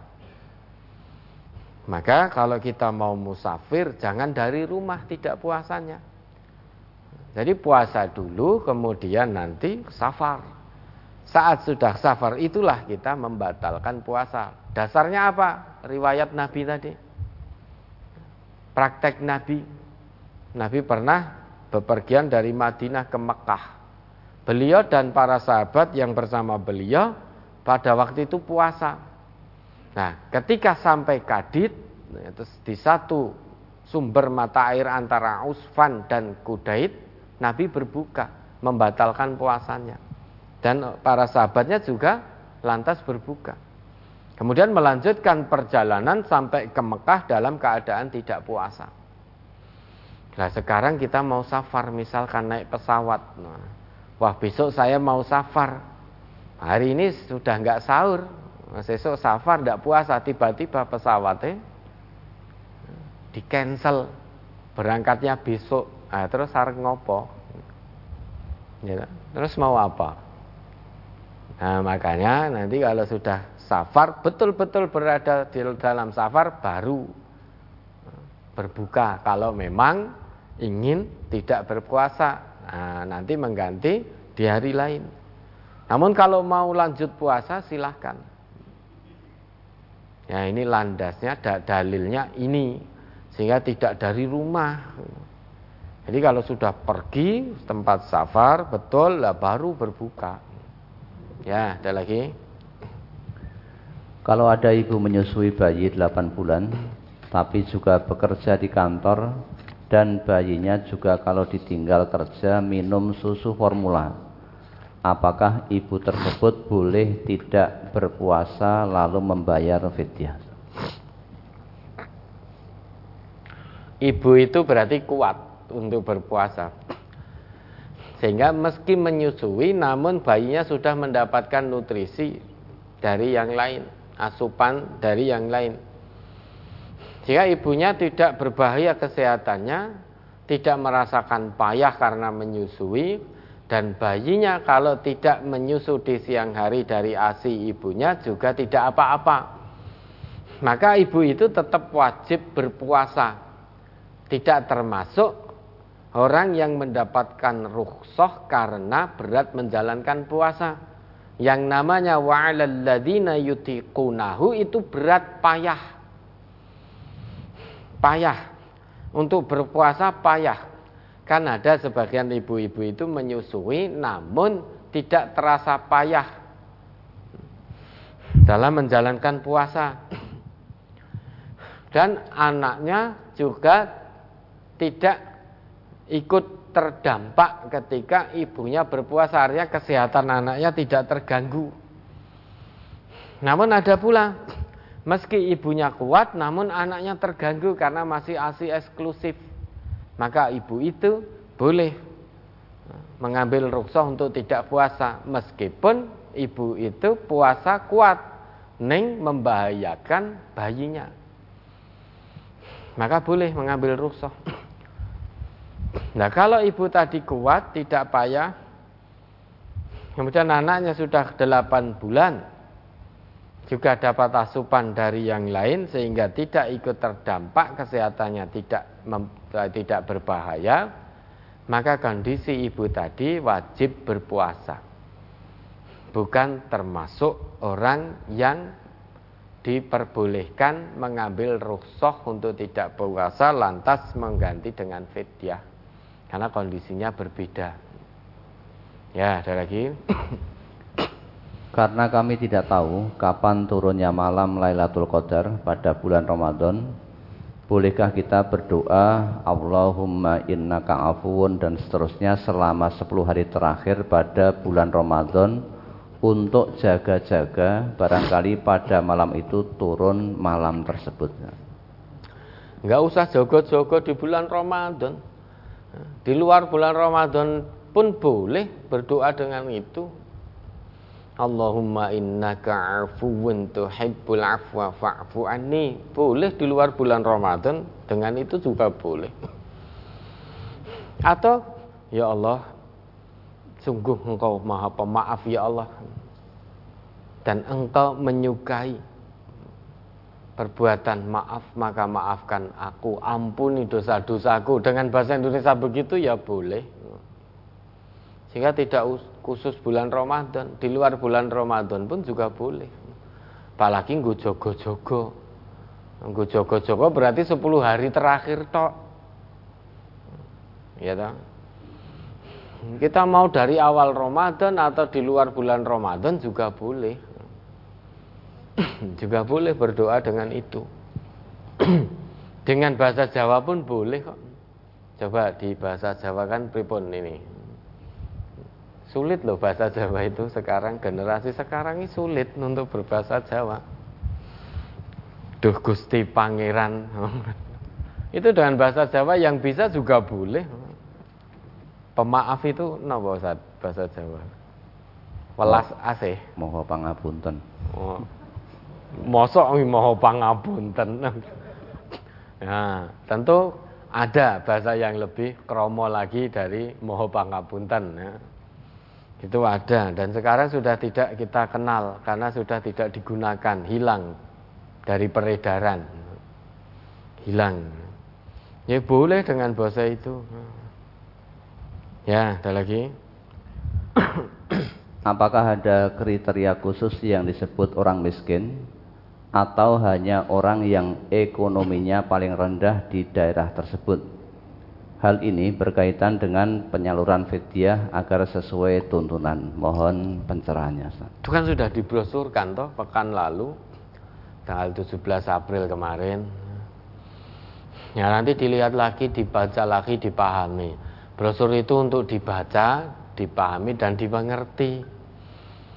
Nah sekarang kalau tidak dibaca, ya nanti akan terus pertanyaan berulang, berulang, berulang terus.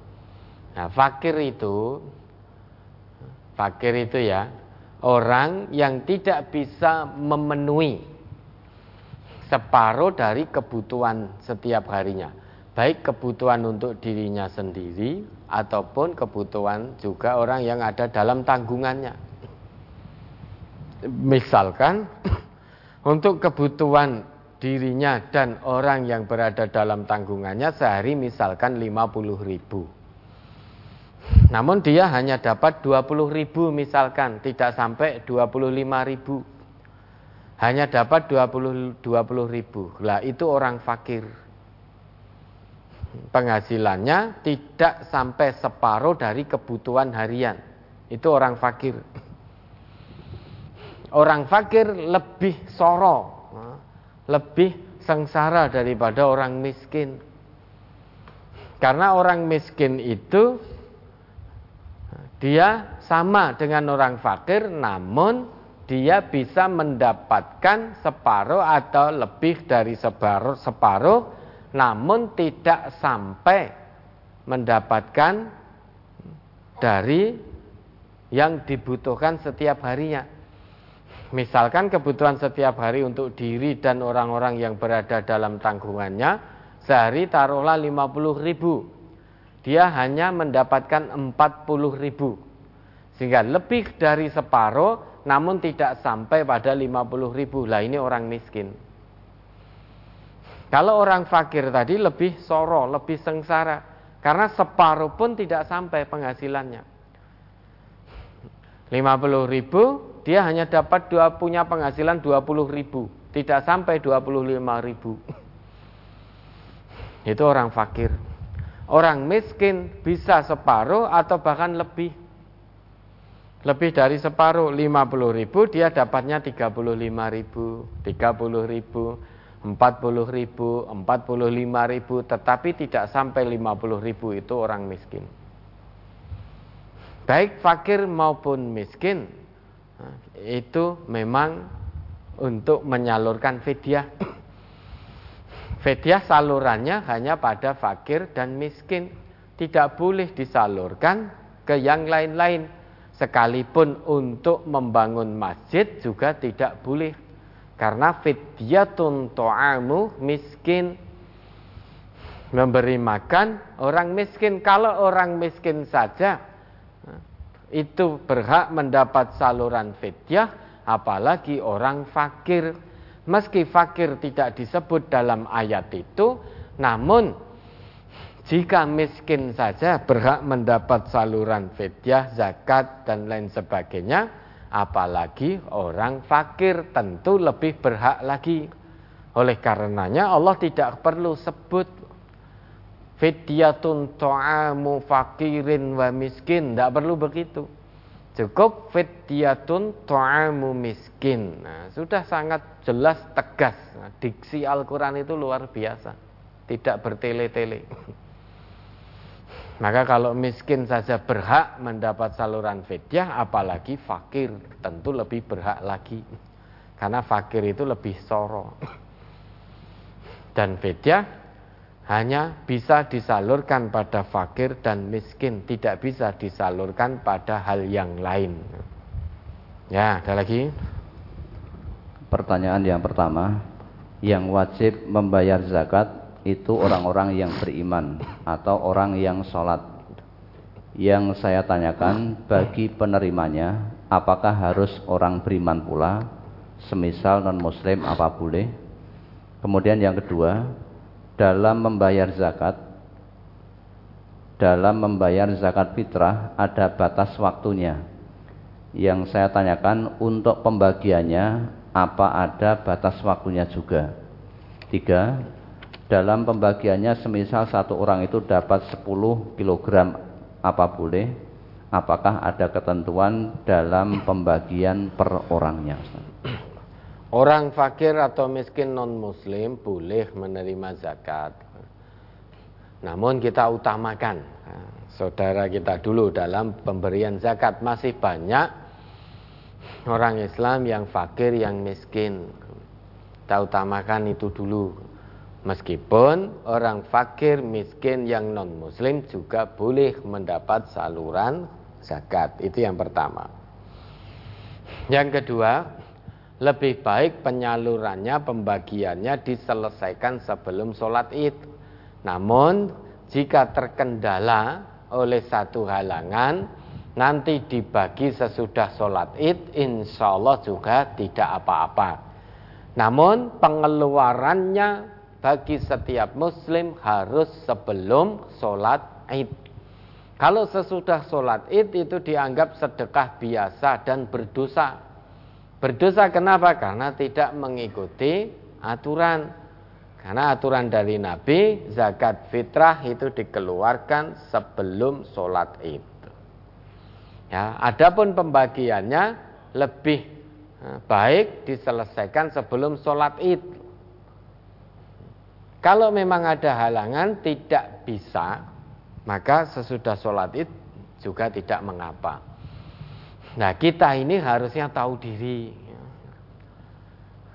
Panitia zakat itu membantu kita. Membantu kita untuk menyalurkan sehingga kita dibantu dalam penyaluran, ada kemudahan. Maka jangan mepet-mepet. Wis ning lapangan baru nyalur ke. Nah, itu ya mungkin dibagi lagi. Sehingga berarti ada kendala. Baginya nanti sesudah sholat id. Namun jika memang demikian tidak mengapa. Wong yo ya lali kelingane sebelum sholat didirikan kemudian bayar di tempat itu di tanah lapang itu kepada panitia boleh nanti dibagi sesudah sholat id.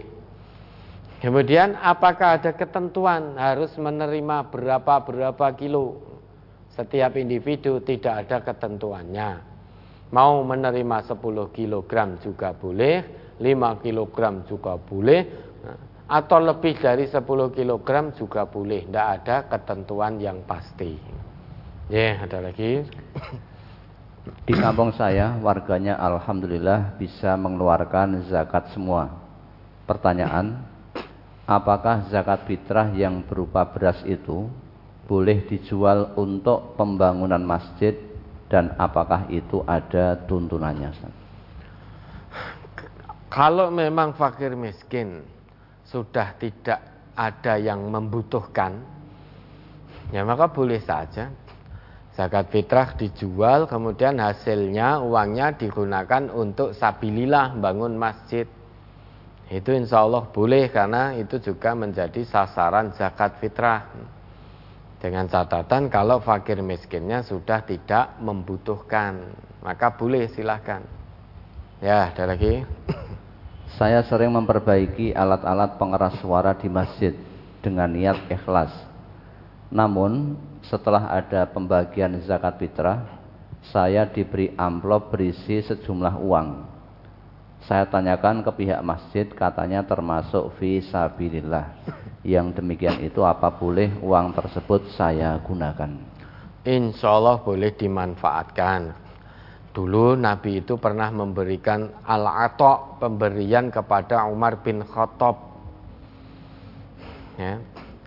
Bahwasanya Nabi itu dulu pernah yu'ti Umar bin al-Khattab. Yu'ti Umar bin al-Khattab al-atok memberikan Umar bin Khattab satu pemberian. Kemudian Nabi bersabda pada Umar, "Khudhu fatamawalhu au tasaddaq bihi." Ambillah Umar sebagai hartamu pemberian itu. Ambillah pemberian ini sebagai hartamu atau tasodak bihi atau kamu ambil, kamu terima, kemudian kamu sedekahkan. Kenapa? Karena Umar mengatakan pada Nabi, "Ya Rasulullah, a'tihi a'tihi afqara ilaihi minni." Berikan saja wahai Rasul pemberian ini pada orang yang lebih fakir kepada saya. Kemudian Nabi menjawab itu, ambillah, terimalah. Atau kamu terima kemudian kamu sedekahkan. Wa ma ja'aka min hadzal mali wa anta ghairu musyrifin wala sa'ilin fakhudhu. Wa mala fala tutbi'han fala tutbi'hu nafsaka. Dan nanti Umar jika datang pemberian atau al-atok seperti pemberian ini, sehingga kalau datang kepadamu satu pemberian sedang kamu ghairu musyrifin, sedang kamu tidak menginginkan, artinya orang ngoyok ben oleh kui. Dan wala sailin tidak meminta-minta, orang nembung-nembung, telepon sana, telepon sini, WA sana, WA sini nembung. Pengen ini, pengen itu dan lain sebagainya. Kalau pemberian itu datang kepadamu tanpa kamu ngoyok, tanpa kamu berhasrat. Nah, ngoyok berarti kan berhasrat dan juga tanpa meminta maka ambillah. Kalau ada orang yang memberi hadiah pemberian padamu sedang kamu tidak ngoyok tidak maksa meminta maka terimalah. Tidak mengapa. Wa mala fala tutbi'hu nafsaka. Adapun yang selain itu artinya kamu meminta, kamu memaksa, kamu sangat berhasrat menginginkan sehingga tanpa izin lagi nembung dan lain sebagainya, maka jangan kamu ikuti hawa nafsumu. Ojo sok seneng ngono kuwi. Kemudian perawi mengatakan, "Wa min ajli dalika." Oleh karena itu, karena Ibnu Umar, nah, Ibnu Umar kemudian la yas'alu ahadan syai'an wala yaruddu syai'an u'tiyahu. Maka Ibnu Umar melihat praktek dari Umar Ibnu Khattab berdasarkan tuntunan dari Nabi. Ibnu Umar tidak pernah meminta kepada siapa pun sesuatu apa pun. Saya tidak pernah meminta. Di samping itu juga tidak pernah menolak pemberian al-ato atau hadiah yang diberikan kepada Ibnu Umar. Namun Ibnu Umar tidak pernah meminta, tidak pernah berhasrat, tidak pernah punya keinginan agar punya itu sehingga ngoyok ke sana kemari pesen sana pesen sini minta. Itu tidak Ibnu Umar tetapi kalau Ibnu Umar didatangkan hadiah pada Ibnu Umar Ibnu Umar tidak menolak. Ini berarti menjadi landasan kita boleh menerima al-atok tetapi tidak boleh meminta tidak boleh menginginkan. Minta baik secara langsung maupun dengan isyarat-isyarat juga tidak boleh. Kemarin sudah kita jelaskan, misalkan isyaratnya, wah di sana itu, wah tasnya bagus-bagus ya, sepatunya bagus-bagus, ciri khas daerah itu, misalkan sepatunya, berarti itu isyarat, meski tidak meminta. Mau tugas abilillah ke sana, Neng minta, oh di situ makanannya apa, ciri khasnya, yang dalam kemasan apa? Wah berarti syarat ini sudah. Engkau digawani mulai atau kalau tugas di sana kemudian sini identik dengan ini coba minta tolong ini.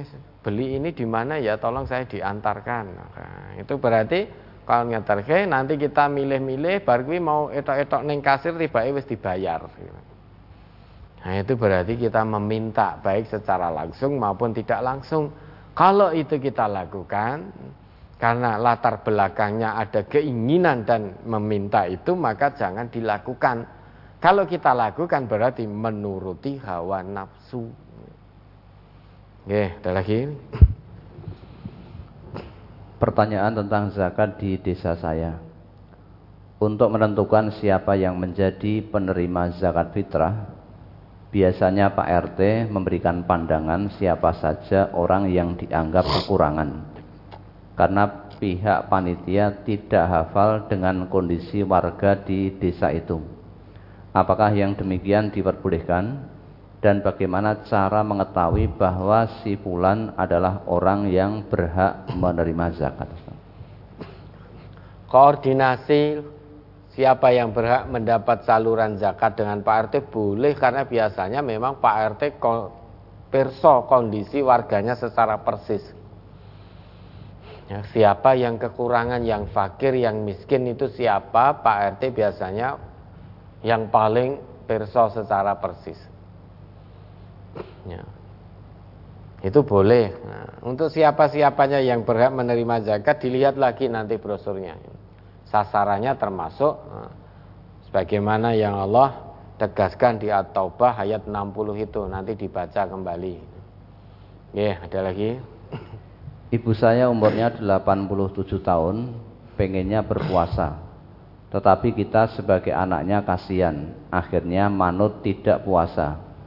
Tiap hari saya kasih makanan buka sekalian sahur ke tetangga belakang rumah.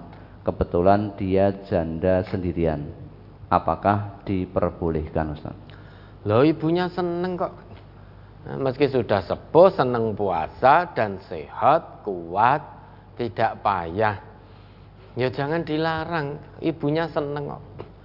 Nanti kalau dilarang mergo anaknya mesak ke, ini orang sepuh itu kok nek dilarang malah jadi sakit. arep poso ora oleh. Nanti begitu. Ya, kalau ibunya seneng, meski usia 85 tahun Allah masih beri kekuatan. Suka berpuasa, kemudian dalam puasanya juga tidak payah, sehat-sehat. Nah ibunya seneng, seharusnya jangan dilarang. Kalau dilarang bisa jadi malah jadi sakit. Karena orang tua itu biasanya dia dilarang akan tidak reno. Ngomong arep poso lho. Wong sing ngempet luwe ngelak ya aku malah ra oleh. Nah, malah jadi menggalih nanti. Piye-piye oh, ya omahku dhewe meskipun omahe elek, oh, nyat apik omahmu le ning omahku dhewe. Mosok arep turu omahku dhewe ra etuk. Akhirnya menjadi gerah. Nah kalau demikian anaknya sing harus pangerten.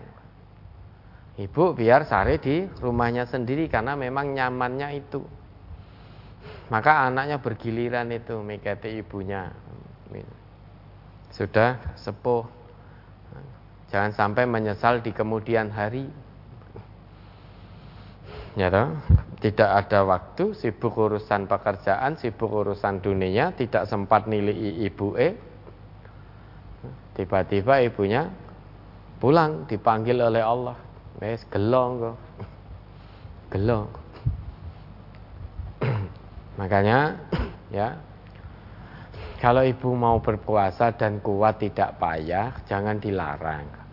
Namun kalau saudara melihat kok ibunya memang payah betul dengan kondisi yang usia lanjut berpuasa, nah baru silahkan disarankan kemudian nanti dibayarkan fediahnya. Nah sekarang tentu saudara tahu ibu saudara payah atau tidak. Kalau tidak payah ya sudah, dan biarkan jangan dipaksakan mukah. Artinya cukup saja bu mengke menawi perkaos betul jangan ngendika nggih. Nggih dahar mboten napa-napa. Insyaallah mboten dosa. Entah niku mengke pun bibar duhur napa asar napa jam gangsal pun monggo. Nek pun nek rekaos betul nah mengke ngendika dan nanti bisa dilihat secara fisik panjenengan bisa melihat kondisi ibu itu payah betul apa enggak kalau memang betul-betul payah Nah, nanti bawakan daharan, minuman, unjuan.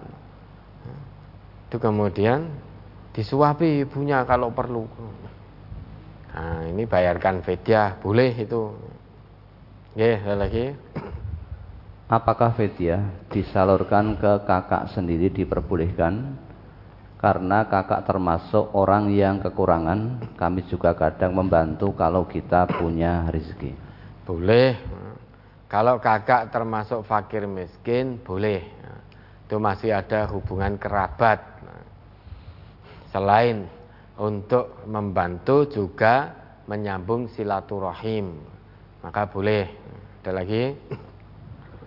Saya sebagai ketua Basnas ada pertanyaan dari masyarakat. Apakah penyaluran zakat fitrah harus habis sebelum sholat Idul Fitri? Tidak harus habis. Sebaiknya memang sebelum sholat id selesai semua pembagiannya. Namun kalau terkendala, ada sebab, ada halangan, dibagikan sesudah sholat id juga tidak mengapa. Ada lagi? Orang yang tidak bisa berjalan normal, bisa berjalan tapi sangat lambat. Tetapi dia bisa naik motor kegiatan sehari-hari dia sebagai tukang pijat panggilan maupun di rumah. Dalam sehari dia sampai lima orang pelanggan, kadang satu atau dua orang saja. Biasanya rata-rata tarif tukang pijat 50 ribu per orang. Berarti jika ada pelanggan lima orang dalam sehari dengan tarif 50 ribu per orang, maka dia bisa berpenghasilan 250 ribu per harinya. Dan penghasilan 250 ribu itu lebih besar dari tukang bangunan yang berkisar 100 ribu rupiah per hari. Usia masih cukup muda kisaran 30 Pertanyaan, apakah dia juga berhak menerima zakat? Nah masuk kolom mana? Ya dah. Kolom mana tidak ada itu kolom zakat bagi diserahkan pada orang yang jalannya agak lambat, tertatih itu nggak ada. Apalagi tadi meski tertatih, namun bisa naik motor ke mana-mana. Dia kodarullah Allah mampukan Meski jalan tertatih, namun Allah mampukan bisa naik motor ke mana-mana. Dan Allah titipkan penghasilan yang lebih. Nah ini sehingga tidak masuk kolom, maka tidak berhak mendapat saluran zakat karena dia mampu. Dia mampu. Ya, yeah, ada lagi. Zakat fitrah itu dikeluarkan bahan makanan pokok sedangkan makanan pokok kami tiap harinya harus beli. Apakah diperbolehkan zakat fitrah itu kami ganti dengan uang? Ini di brosur kemarin juga sudah ada. Ya, insya Allah boleh. Itu teknis saja. Makanan pokok untuk lebih memudahkan diganti dengan uang. Insya Allah boleh. Ada lagi? Seorang ibu sedang menyusui dan tidak bisa berpuasa maka mengganti dengan fidyah. Kalau ibu itu menyusui juga haid, apakah harus membayar fidyah juga mengkodok puasanya? Tidak, kalau itu bersamaan ibu itu menyusui juga haid, nah, tidak perlu membayar fidyah. Nah, apa mengganti puasanya nanti? Karena orang haid itu tidak boleh puasa. Tetapi wajib mengganti di hari-hari lain di luar bulan Ramadan. Lah tadi ibu itu haid. Di samping itu juga menyusui. Makanya ibu tadi cukup mengganti puasa di hari lain, tidak perlu membayar fidyah. Karena fidyah itu rukshoh. Kalau ibu menyusui tidak haid, maka kalau ibu berat dalam menyusui itu maka bisa mengambil rukshoh. Nah, ketika mengambil rukhsah tidak puasa, kewajibannya bayar fidyah. Namun jika kondisinya bareng dengan haid, maka ibu tidak perlu bayar fidyah. Cukup mengganti puasa yang ditinggalkan. Misalkan ibu ini haid. Ini haid tetapi ibu juga menyusui. Berarti ibu hanya mengganti puasa karena haid tidak boleh puasa. Dulu Ummul Mukminin pernah mengabarkan bahwa kunna nahidu ala ahdi Rasulullah sallallahu alaihi wasallam. Dulu kami pernah berhaid. Jadi perempuan-perempuan pernah berhaid di zaman Rasul. Fanu'maru bi qada'is saumi wala nu'maru bi qada'is shalah kami diperintahkan untuk mengkodok, untuk mengganti puasa yang ditertinggal. Karena orang haid tidak boleh puasa. Tetapi kami tidak diperintahkan untuk mengganti atau mengkodok sholat yang tertinggal. Sehingga orang haid itu hanya wajib mengganti puasa, tidak mengkodok sholat. Nah kalau tadi ibu haid dan menyusui berarti hanya membayar fidyah tidak apa? Hanya membayar puasa di hari-hari lain, tidak membayar fidyah. Tidak perlu membayar fidyah. Karena ibu tidak boleh puasa. Haid sebabnya haid. Ya, ada lagi. Akhir-akhir ini lagi marak-maraknya reuninan. Bagaimana hukumnya menghadiri acara tersebut yang di situ jelas bercampur laki-laki dan perempuan serta acara tersebut ada tausiah dilanjutkan campur sari.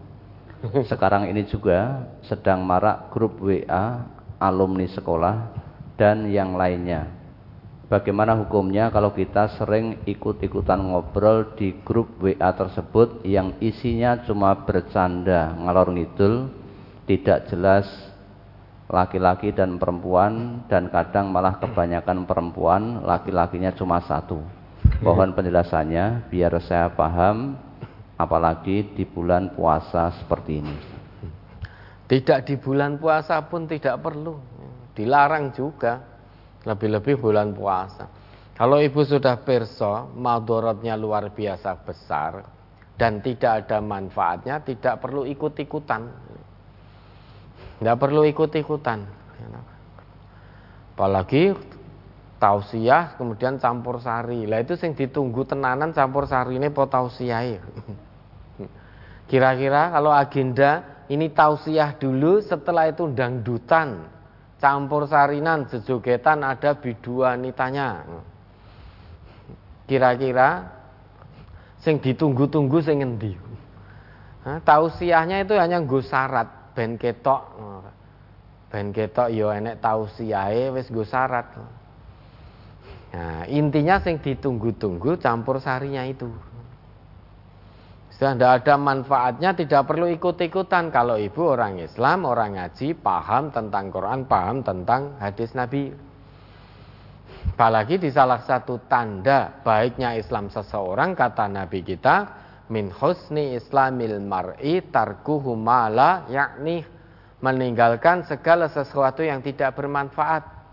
Lebih-lebih Allah sendiri yang menegaskan bahwa orang beriman yang beruntung salah satunya adalah orang yang menjauhkan diri dari perkataan maupun perbuatan yang tidak ada gunanya. Al-Mu'minun Coba ayat 1 sampai 3 diingat. Qad aflahal mu'minun. Alladzina hum fi salatihim khashi'un Walladzina hum anil lahwi mu'ridun Surat Al-Mu'minun nomor surat 23 ayat 1 sampai 3 Bismillahirrahmanirrahim. Qad aflahal mu'minun alladzina hum fi salatihim khashi'un walladzina hum 'anil lagwi mu'ridun. Sesungguhnya beruntunglah orang-orang yang beriman yaitu orang-orang yang khusyuk dalam salatnya dan orang-orang yang menjauhkan diri dari perbuatan dan perkataan yang tiada berguna. Ya, dok. Orang beriman yang beruntung itu yang bagaimana? Apa hanya sebatas ngaku iman terus beruntung? Oh tidak, tunggu dulu. Ada kriteria-kriteria khusus yang Allah sebutkan. Bagi orang yang telah ngaku iman dan dengan pengakuan imannya orang itu nanti akan menjadi orang beruntung dunia akhirat. Qad aflahal mu'minun. Aflah Hayya 'alal falah itu keuntungan dunia, keuntungan akhirat. Sehingga tidak hanya sebatas ngaku iman saja. Tetapi orang iman yang bagaimana kriterianya oleh Allah disebutkan secara rinci sampai ayat berikutnya tadi. Ayat berikutnya nanti dibaca sendiri. Karena pertanyaannya terkait dengan ini. Hmm, salah satunya alladzina hum fi solatihim khasyi'un, orang yang senantiasa khusyuk dalam solatnya. Khusyuk dalam solat bukan bukan hanya berarti khusyuk dalam tata cara pelaksanaannya saja, namun khusyuk dalam pengamalan hasil solatnya. Sehingga ada ciri orang yang solat itu tanha anil fahsya wal mungkar Sehingga betul-betul khusuk orang sholat khusuk. Dia akan berusaha sekuat tenaga untuk tidak bermaksiat kepada Allah. Bukan hanya sebatas rutinitas sholat. Yang namanya sholat khusuk berarti secara lahir, secara batin itu khusuk. Secara pengamalan, pelaksanaan khusuk. Tidak menunda-nunda. Kemudian fungsi sholatnya berfungsi. Itu orang iman yang akan beruntung. Kemudian yang kedua walladzina hum 'anil mu'ridun. Orang iman, orang yang mengaku beriman kepada Allah yang senantiasa berusaha menjauhkan diri sekuat tenaga dari segala hal baik ucapan maupun perbuatan yang tidak membawa manfaat. Ucapan, perbuatan yang tiada guna. Lah tadi ngobrol di grup reunian dan lain di grup alumni dan lain sebagainya dengan cengengesan, jegegesan sesuatu yang tidak manfaat. Satu yang tidak manfaat. Nah, kalau ibu paham hasil apa Quran Sunnah dari hasil ngajinya, praktekkan hasil ngaji, tidak perlu ikut-ikutan. Tidak perlu ikut-ikutan, ini bahaya ini kalau tidak hati-hati. Grup-grup alumni itu bahaya. Ya, setan masuk, reunian, ketemu cinta lama, bersemi kembali. Habis ketemu kemudian telepon-teleponan, WA-WA-anan. Setelah itu kencanan, ya sudah sampai terjadi hal-hal yang tidak diizinkan oleh agama. Ya sudah, rusak semuanya. Maka tidak perlu. Ya. Tidak perlu ikut nimbrung hal-hal yang semacam itu. Kalau kita ingin mendapat keberuntungan oleh Allah di dunia maupun di akhirat. Ya, ada lagi. Kami Ustazah TPK di kampung dapat pemberian sekedarnya dari kelompok pengajian ibu-ibu di kampung tersebut sebagai tali asih dan ucapan terima kasih. Dan ternyata tiap bulan kami diberi terus kadang dalam bentuk kain dan uang. Bolehkah yang semacam itu, Ustaz? Insya Allah boleh diterima, asal tidak minta. Ya. Insya Allah boleh diterima, dimanfaatkan boleh. Ya, ada lagi. Saya kadang-kadang mengantar guru daerah mengisi kajian di suatu tempat. Yang saya tanyakan, bagaimana jika jadwal mengantar guru daerah itu bertepatan dengan kajian cabang, mengantar guru daerah atau ikut kajian cabang? Sebetulnya mudah itu. Ya. Tinggal dirembuk dengan pengurus cabang. Tinggal dirembuk. Nah, nanti kalau pas jadwal ngaji cabang ngaji. Lah yang mengantar guru daerah bisa yang lain. Masa di cabang itu yang bisa bertugas ngantar guru daerah hanya satu? Hanya kui-kui terus. Masa tidak ada yang lain? Maka tinggal dirembuk dengan pengurus cabangnya. Kalau pas jadwal kajian di cabang maka yang mengantar tadi masuk cabang. Nanti yang ngantar guru daerah yang lainnya dirembuk dengan baik. Ya. sehingga semuanya dapat kebaikan. Karena jadwal yang ngaji ngaji. Kalau ini ngantar guru daerah ya memang ada kebaikan. Namun itu bisa. Nanti yang mengantarkan orang lain saudaranya yang lain. Jadi ta'awun alal birri wat taqwanya dapat di situ. Oke, ada lagi. Jika kita berbagi ilmu atau menasehati di dalam keluarga sesama muslim, yang lain malah jadi debat. Kadang jadi tidak rukun, terutama berbagi ilmu agama Islam. Untuk menghindari debat, kami tidak berbagi ilmu Islam lagi dengan mereka. Susah dan serba salah. Kalau dengan orang yang sudah merasa benar dan paling benar, Mohon nasihatnya yang benar sesuai tuntunan bagaimana. Semoga Lostad dan keluarga besar MTA senantiasa diberi kekuatan iman dan kesehatan. Amin. Mudah-mudahan jenengan dan keluarga yang segenap keluarga besar MTA dan umat Islam di mana pun berada. Mudah-mudahan dapat kebaikan, kesehatan, perlindungan, rahmat dan ridha Allah swt. Coba dibuka itu Quran surat Ad-Dariyat ayat 52. Surat Az-Zariyat nomor surat 51 ayat 52 Kadzalika ma atallazina min qablihim mir rasulin illa qalu sakhirun aw majnun.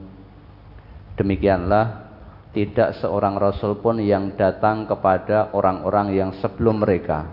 Melainkan mereka mengatakan ia adalah seorang tukang sihir atau orang gila ya kadzalika demikianlah.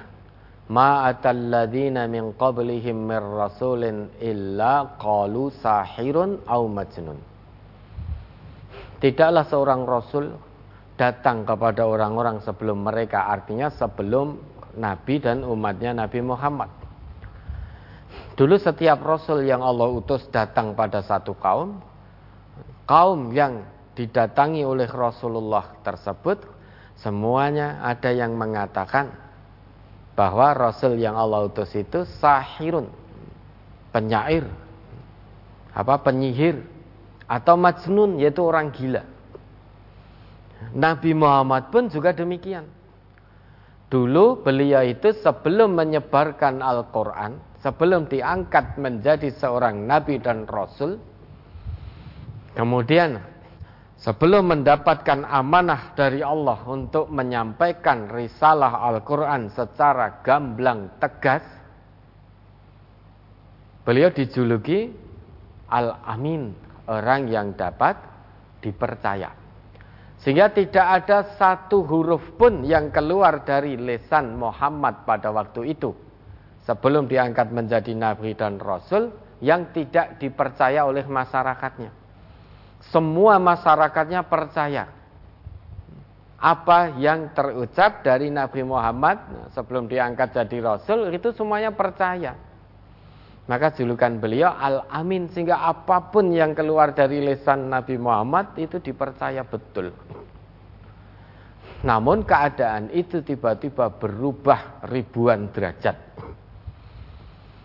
Saat Nabi diangkat jadi seorang rasul, utusan Allah mendapat amanah menyebarkan kebenaran Al-Qur'an, berdakwah dengan Al-Qur'an untuk memperbaiki akhlak masyarakatnya dari al-amin menjadi syairum majnun menjadi sahirum majnun. Tiba-tiba langsung berubah menjadi orang gila julukannya atau penyair gila atau penyihir gila coba dibuka as-sofat ayat 35 36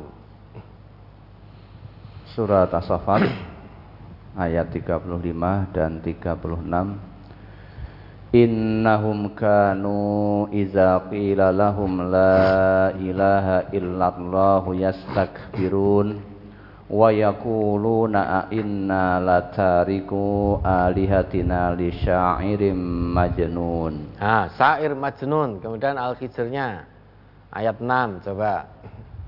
Surat Al-Hijr nomor surat 15 ayat 6. Wa qalu ya ayyuhalladzi nuzzila alaihi dzikru innaka lamajnun. Ah, orang gila. Dia sofat Nabi kita disebut penyair gila. Ketika menjelaskan Al-Quran, menyeru masyarakat menuju mentauhidkan Allah, la ilaha illallah. Tiba-tiba berubah dari al-amin menjadi syairum majnun. Mereka mengatakan, "A inna latariku alihatina li syairim majnun?" Sesungguhnya apakah kami harus betul-betul meninggalkan sesembahan-sesembahan kami untuk mengikuti seorang penyair gila? Belum lagi Nabi disebut orang gila. Belum lagi disebut penyihir gila. Wis macam-macam sebutan yang menyakitkan. Tetapi apakah Nabi berputus asa? Apakah Nabi bersakit hati lantas menghentikan dakwahnya? Tidak. Terus jalan terus menyampaikan kebenaran. Ya. Ini contoh dari Nabi kita.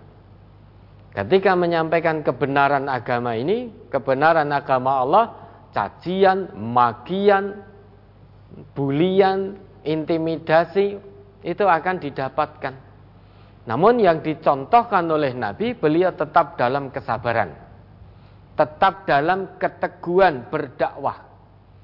Karena apa? Tujuan dakwah Nabi bukan untuk hal-hal remeh-temeh duniawi. Tujuannya untuk ridho Allah. Qul inna solati wa nusuki wa mahyaya wa mamati lillahi rabbil alamin. Kalau semuanya tujuannya untuk Allah tidak ada satupun di dunia ini yang bisa menghalangi. Tidak ada satupun. Kalau semuanya sudah ikhlas, nah, tujuannya untuk Allah. Bahkan Nabi bersabda, sampai matahari diletakkan di telapak tangan kanan beliau. Tangan bulan diletakkan di telapak tangan kiri beliau. Agar beliau menghentikan, menyebarkan kebenaran Islam, kebenaran agama Allah ini. Beliau pastikan tidak akan pernah melakukan itu sampai Allah matikan dengan dalam dakwah ini atau Allah memenangkan dakwah ini. Sehingga penyampai-penyampai kebenaran itu sangat-sangat wajar akan mendapatkan cacian, bulian, intimidasi dan lain sebagainya. Itu sangat wajar karena Nabi saja juga mendapatkan itu. Lah, tapi Nabi memberikan contoh konkret. Nah, ketika menghadapi itu semua, Nabi tetap sabar, Nabi tetap teguh, Nabi tetap ikhlas dan bersungguh-sungguh dalam berdakwah dengan penuh pengorbanan. Terus dakwah sampai Allah menangkan dakwah ini atau Allah wafatkan Nabi bersama dakwah ini. Tidak akan pernah berhenti. Maka kalau semuanya nah, sudah karena Allah, tidak ada satupun di dunia ini yang bisa menghentikan laju dakwah. Karena yang mendapatkan ini, yang memerintah adalah Allah. Apa pun yang terjadi, kita lebih takut pada murka Allah daripada murka manusia. Saat kita menghentikan dakwah, manusia sebagian akan senang, namun Allah akan murka. Ya, maka terus, lah penyampai kebenaran jenengan di keluarga terus sampaikan. Kalau nanti mendapat suara dianggap sok suci, sok keminter, sok ini, sok itu dan lain sebagainya sudah. Tidak usah didengarkan, tidak usah dimasukkan ke dalam hati, terus saja sampaikan kebenaran ya dengan penuh keikhlasan tentunya, kesabaran, ya, pengorbanan, kesungguhan.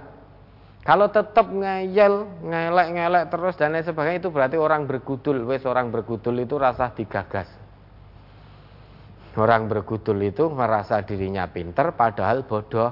Merasa paling tahu segalanya padahal tidak tahu semuanya. Itu orang bergudul. Dan Al-Imam Al-Ghazali di dalam kitabnya Ihya Ulumuddin ya, dengan mengutip perkataan dari Al-Imam Khalil bin Ahmad mengatakan ar-rijal arba'atun. Manusia itu ada empat tipe. Yang pertama rajulun yadri wa yadri annahu yadri. Fadhalika alimun fattabi'uhu. Orang yang tahu dia dan dia tahu kalau dia tahu. Maka itulah orang alim, ikuti dia.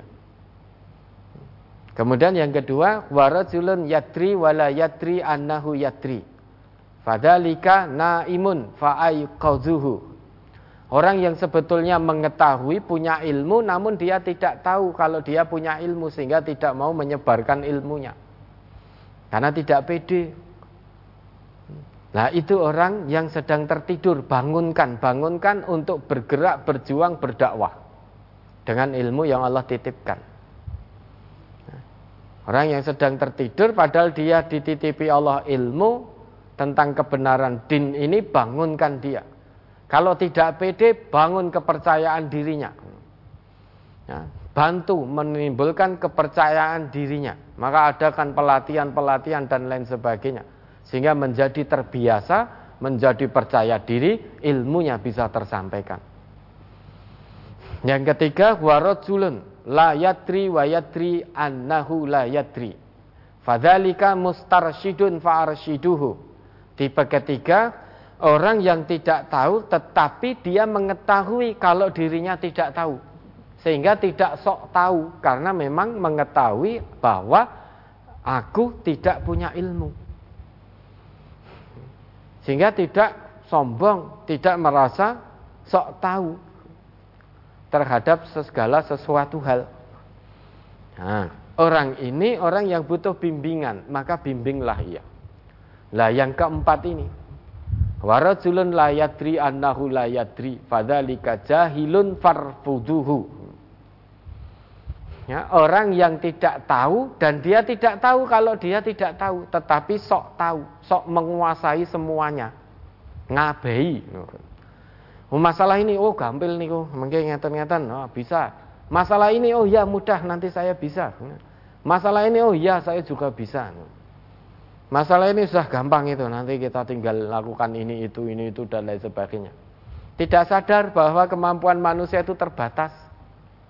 Sehingga tidak ada manusia yang bisa menguasai semua ilmu itu enggak ada.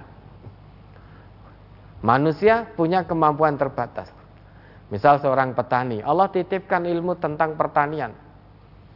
Ya, ada orang yang sakit flu datang, wes kene rene gampang kok tak suntik. Oh, petani arep nyuntik piye? Ya ndak bisa. Wis toh gampang, aku wis ngerti kabeh. Dulurku kuwi dokter, mah bahkan masku lho dokter.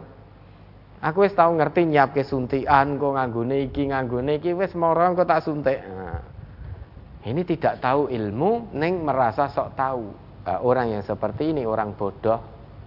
Dia sejatinya hakikatnya bodoh namun menang bergudule, menang ngeyele. Nah, terhadap orang seperti ini tidak perlu digagas, tidak perlu digubris. Farfuduhu. Nah, tinggalkan saja. Terus sampaikan kebenaran apa pun kata manusia. Kalau kita berdakwah menyampaikan kebenaran din, kebenaran agama Allah kita gagas omongan manusia, nggak jadi dakwah nanti. Karena manusia itu tidak mungkin suka kita semua nggak mungkin. Tetap akan ada yang tidak suka. Baik kita benar atau salah, tetap akan ada manusia yang suka dan tidak suka. Kita mencuri pun tetap akan ada yang suka, ada yang tidak suka. Kita sholat pun tetap akan ada yang suka dan tidak suka. Podo-podo sholatnya. Tapi setan masuk satu jamaah, Allah, paling sholatnya monggo pamer, nah, masuk begitu. Podo-podo sholat di situ, neng sudah suudon, tetap akan ada yang tidak suka. Kita tidur pun loh, tidur nyenyak, tetap ada yang tidak suka. Namun ada yang suka juga. Nah maka kalau berdakwah harus nunggu semua manusia suka, sudah tidak jadi dakwah. Dikatakan orang umum, dikatakan sesat, terus sedih, terus mutung, sakit hati, pekewoh, takut dikucilkan masyarakat, ya berhenti no berarti dakwah, nggak jadi dakwah. Karena manusia itu ya ada yang suka, ada yang tidak suka. Wes toh sampai hari kiamat begitu. Maka tidak perlu menghiraukan, tidak perlu merisaukan apa kata manusia. Wes pokoknya kata Allah begini, kata Nabi begini, sampaikan kebenaran din ini sudah bismillah, hanya mengharap ridho Allah, bergantung kita hanya kepada Allah, terus kita sampaikan kebenaran. Apa pun yang terjadi, apa pun resiko dan konsekuensinya. Dengan cara tetap dakwahnya santun, bil hikmah wal mau'idatil hasanah wa jadilhum billati hiya ahsan. Mudah-mudahan bisa dipahami. Ada lagi? Tiga tahun yang lalu, sumur saya kecemplungan ayam jago dan lima bulan yang lalu kecemplungan lagi ayam kecil. Tetapi airnya tetap jernih dan rasa serta warnanya tidak berubah. Pertanyaan, masih sucikah air sumur tersebut? Sampai sekarang saya ragu-ragu mau memakainya, Ustaz. Insya Allah air sumurnya masih suci dan boleh digunakan. air sumur itu air mutlak gitu kan. Kalau dalam bahasa fikih itu air mutlak. Air mutlak itu tohurun, la yunajjisuhu syai'un. Suci dia. Tidak akan dinajiskan oleh apa pun. Insya Allah masih suci, bisa dipakai dan digunakan. Tidak perlu ragu, itu masih suci. Oke, ada lagi?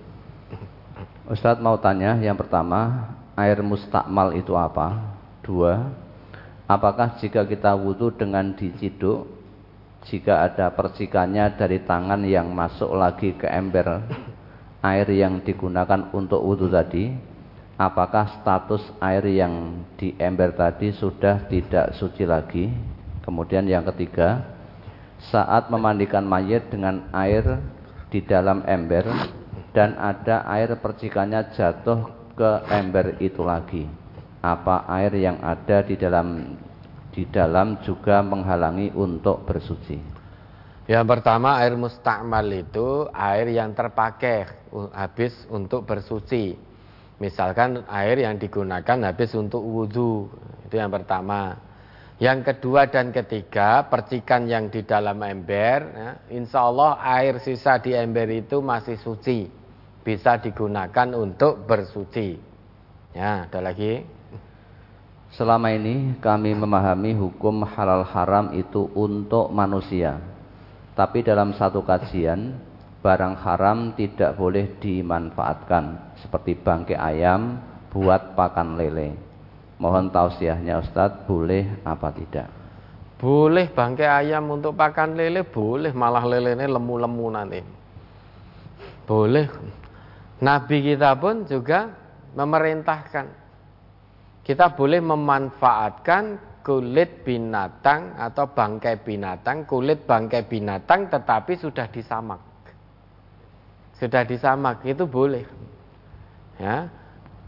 Hadis itu dari Aisyah an Aisyah zaujin Nabi sallallahu alaihi wasallam anna Rasulullah sallallahu alaihi wasallam amara ayyustamta'a bijuludil maitati idza dubihat idza dubihat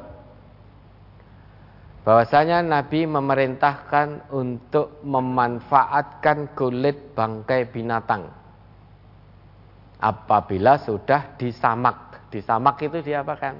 Ya ke dompet, ke setut itu namanya disamak. Betul toh? Disamak itu itu toh? Iya. Ya. Ya itu boleh.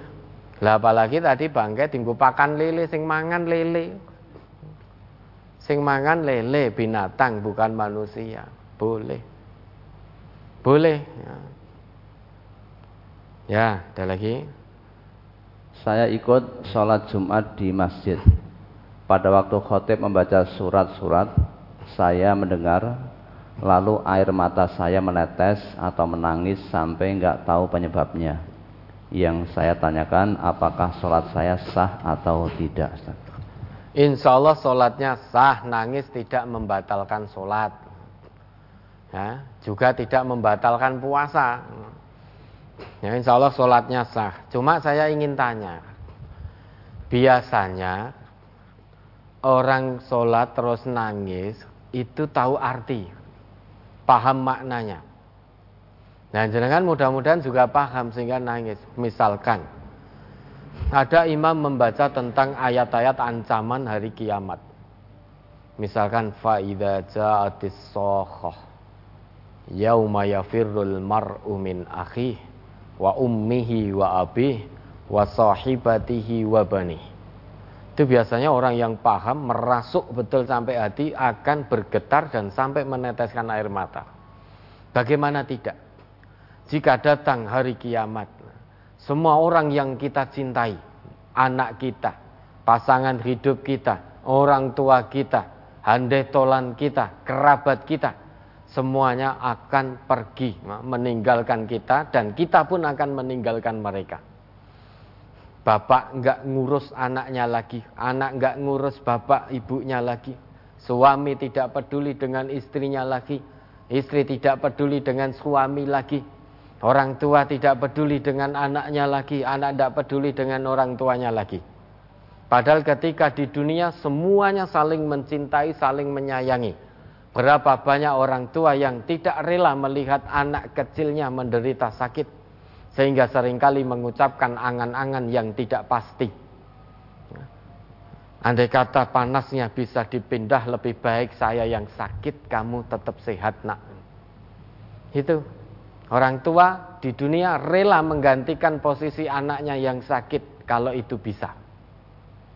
Rela menggantikan posisi anaknya yang sedang dipenjara kalau itu bisa. Itu ketika di dunia. Namun itu semua tidak berlaku ketika hari kiamat. Semua sibuk dengan urusan sendiri-sendiri. Wah, kayak bapakmu ning neraka. Wes ben. Ibaratnya begitu. Ibumu loh yang melahirkan kamu, nyayangi kamu sejak di dunia, mengandung dan seterusnya. Itu ternyata di neraka. Tidak apa-apa, biarkan. Sing penting saya di surga. Loh, kamu nggak pengen tukar tempat? Tidak, biar dirasakan ibu saya sendiri. Atau nek perlu kalau saya jadi penghuni neraka saja, ibu saya akan saya tumbalkan ke untuk menggantikan posisi saya. Biar ibu saya di neraka, saya di surga. Likul limri minhum yauma idin sya'nu yukhni. Semua sibuk golek selamat dewi-dewi. Sehingga tidak mau untuk menggantikan berganti posisi, tukar posisi tidak mau. Nah biasanya orang yang paham mendengar ayat itu itu akan bergetar hatinya, akan meleleh air mata. Ya, dalam Quran surat Al-Ma'arij itu ya. Yauma takunus sama'u kal muhal wal jibalu kal aihin wala yas'alu hamimun hamima yubassarunahum yawaddul mujrimu law yaftadi min adabi yauma idzim bibani anake nggo tumbal seorang pendurhaka pada hari itu nanti Dia harusnya di neraka, namun karena tidak tahan dan tidak kuat, dia tidak peduli lagi. Dia akan tumbalkan semua anaknya. Dijadikan bahan tawar menawar kepada Allah. Ya Allah, ini anak-anakku semua yang aku cintai ketika di dunia, ya Allah. Yang aku lindungi ketika di dunia, ya Allah. Yang aku turuti semua kemauannya di dunia, ya Allah. Asal anak-anakku senang. Nah, sekarang aku di neraka, ya Allah. Nah, sekarang anak-anakku yang dulu aku cintai seret ke neraka semuanya tanpa sisa ya Allah. Untuk menggantikan posisiku. Masukkan anak-anakku ke neraka, angkat aku ke surga. Lu ini anakmu, tidak apa-apa ya Allah saya tidak peduli. Ternyata tidak bisa. Tambah ya Allah kalau tidak bisa tambah istriku, tambah pasangan hidupku, tambah suamiku dan seterusnya. Sehingga sampai akhirnya tetap tidak bisa sudah semua manusia di muka bumi ini ya Allah seret semua masuk ke neraka hanya saya yang selamat dari neraka. Wes tambah dan tambah gak karuan. Sehingga orang semua di muka bumi yang gak kenal juga mau dia tumbalkan untuk menggantikan posisinya. Biasanya kalau mendengar ayat-ayat itu bagaimana kiamat itu memutus semua ikatan di akhirat nanti di sana di yaumil hisab semua ikatan yang pernah ada di dunia itu terputus. Bapak nggak bisa nolong anak, anak nggak bisa nolong bapak, anak nggak bisa nolong ibu, ibu juga nggak bisa nolong anak, suami nggak bisa nolong istri, istri nggak bisa nolong suami. Itu biasanya terus meleleh air mata. Saking dahsyatnya hari kiamat dan itu nanti pasti terjadi. Pasti terjadi. Maka ku anfusakum wa ahlikum naroh. Perintah Allah begitu. Jaga dirimu dan keluargamu dari api neraka. Sehingga harapannya ada harapan.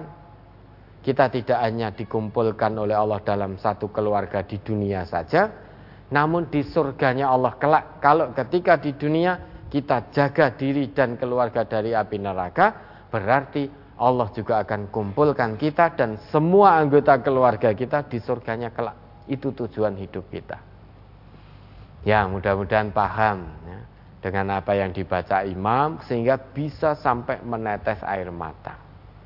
Itu betapa nikmatnya kita kalau sampai memahami itu saat ayat Quran dibaca, dikumandangkan, didengungkan kita bisa paham artinya sambil meresapi dalam hati. Maka yang namanya wajilat kulubuhum bergetar hatinya itu karena paham. Hatinya bisa bergetar langsung nyambung kepada Allah. Tanpa terasa terkadang merinding. Terkadang merinding. Jadi langsung kontak hatinya ingat kepada Allah. Itu bergetar hatinya. Bisa sampai getaran itu sampai meneteskan air mata. Ya, maka pahami, pahami Al-Quran dan amalkan. Ya, ada lagi? Sudah cukup. Cukup? Nih, dari puasa terus air mustakmal barangnya. Ya, masih pertanyaan brosur yang hari ini masih ada? Masih banyak. Ya, kita masih satu kesempatan toh sebelum nanti apa keluar dari bulan Ramadan ya untuk pekan depan kita jawab dulu pertanyaan-pertanyaan sehingga tanpa brosur dulu ya. Okay. Ya sebelum diakhiri ada yang perlu disampaikan monggo. Permohonan doa kesembuhan untuk saudara kita yang sakit.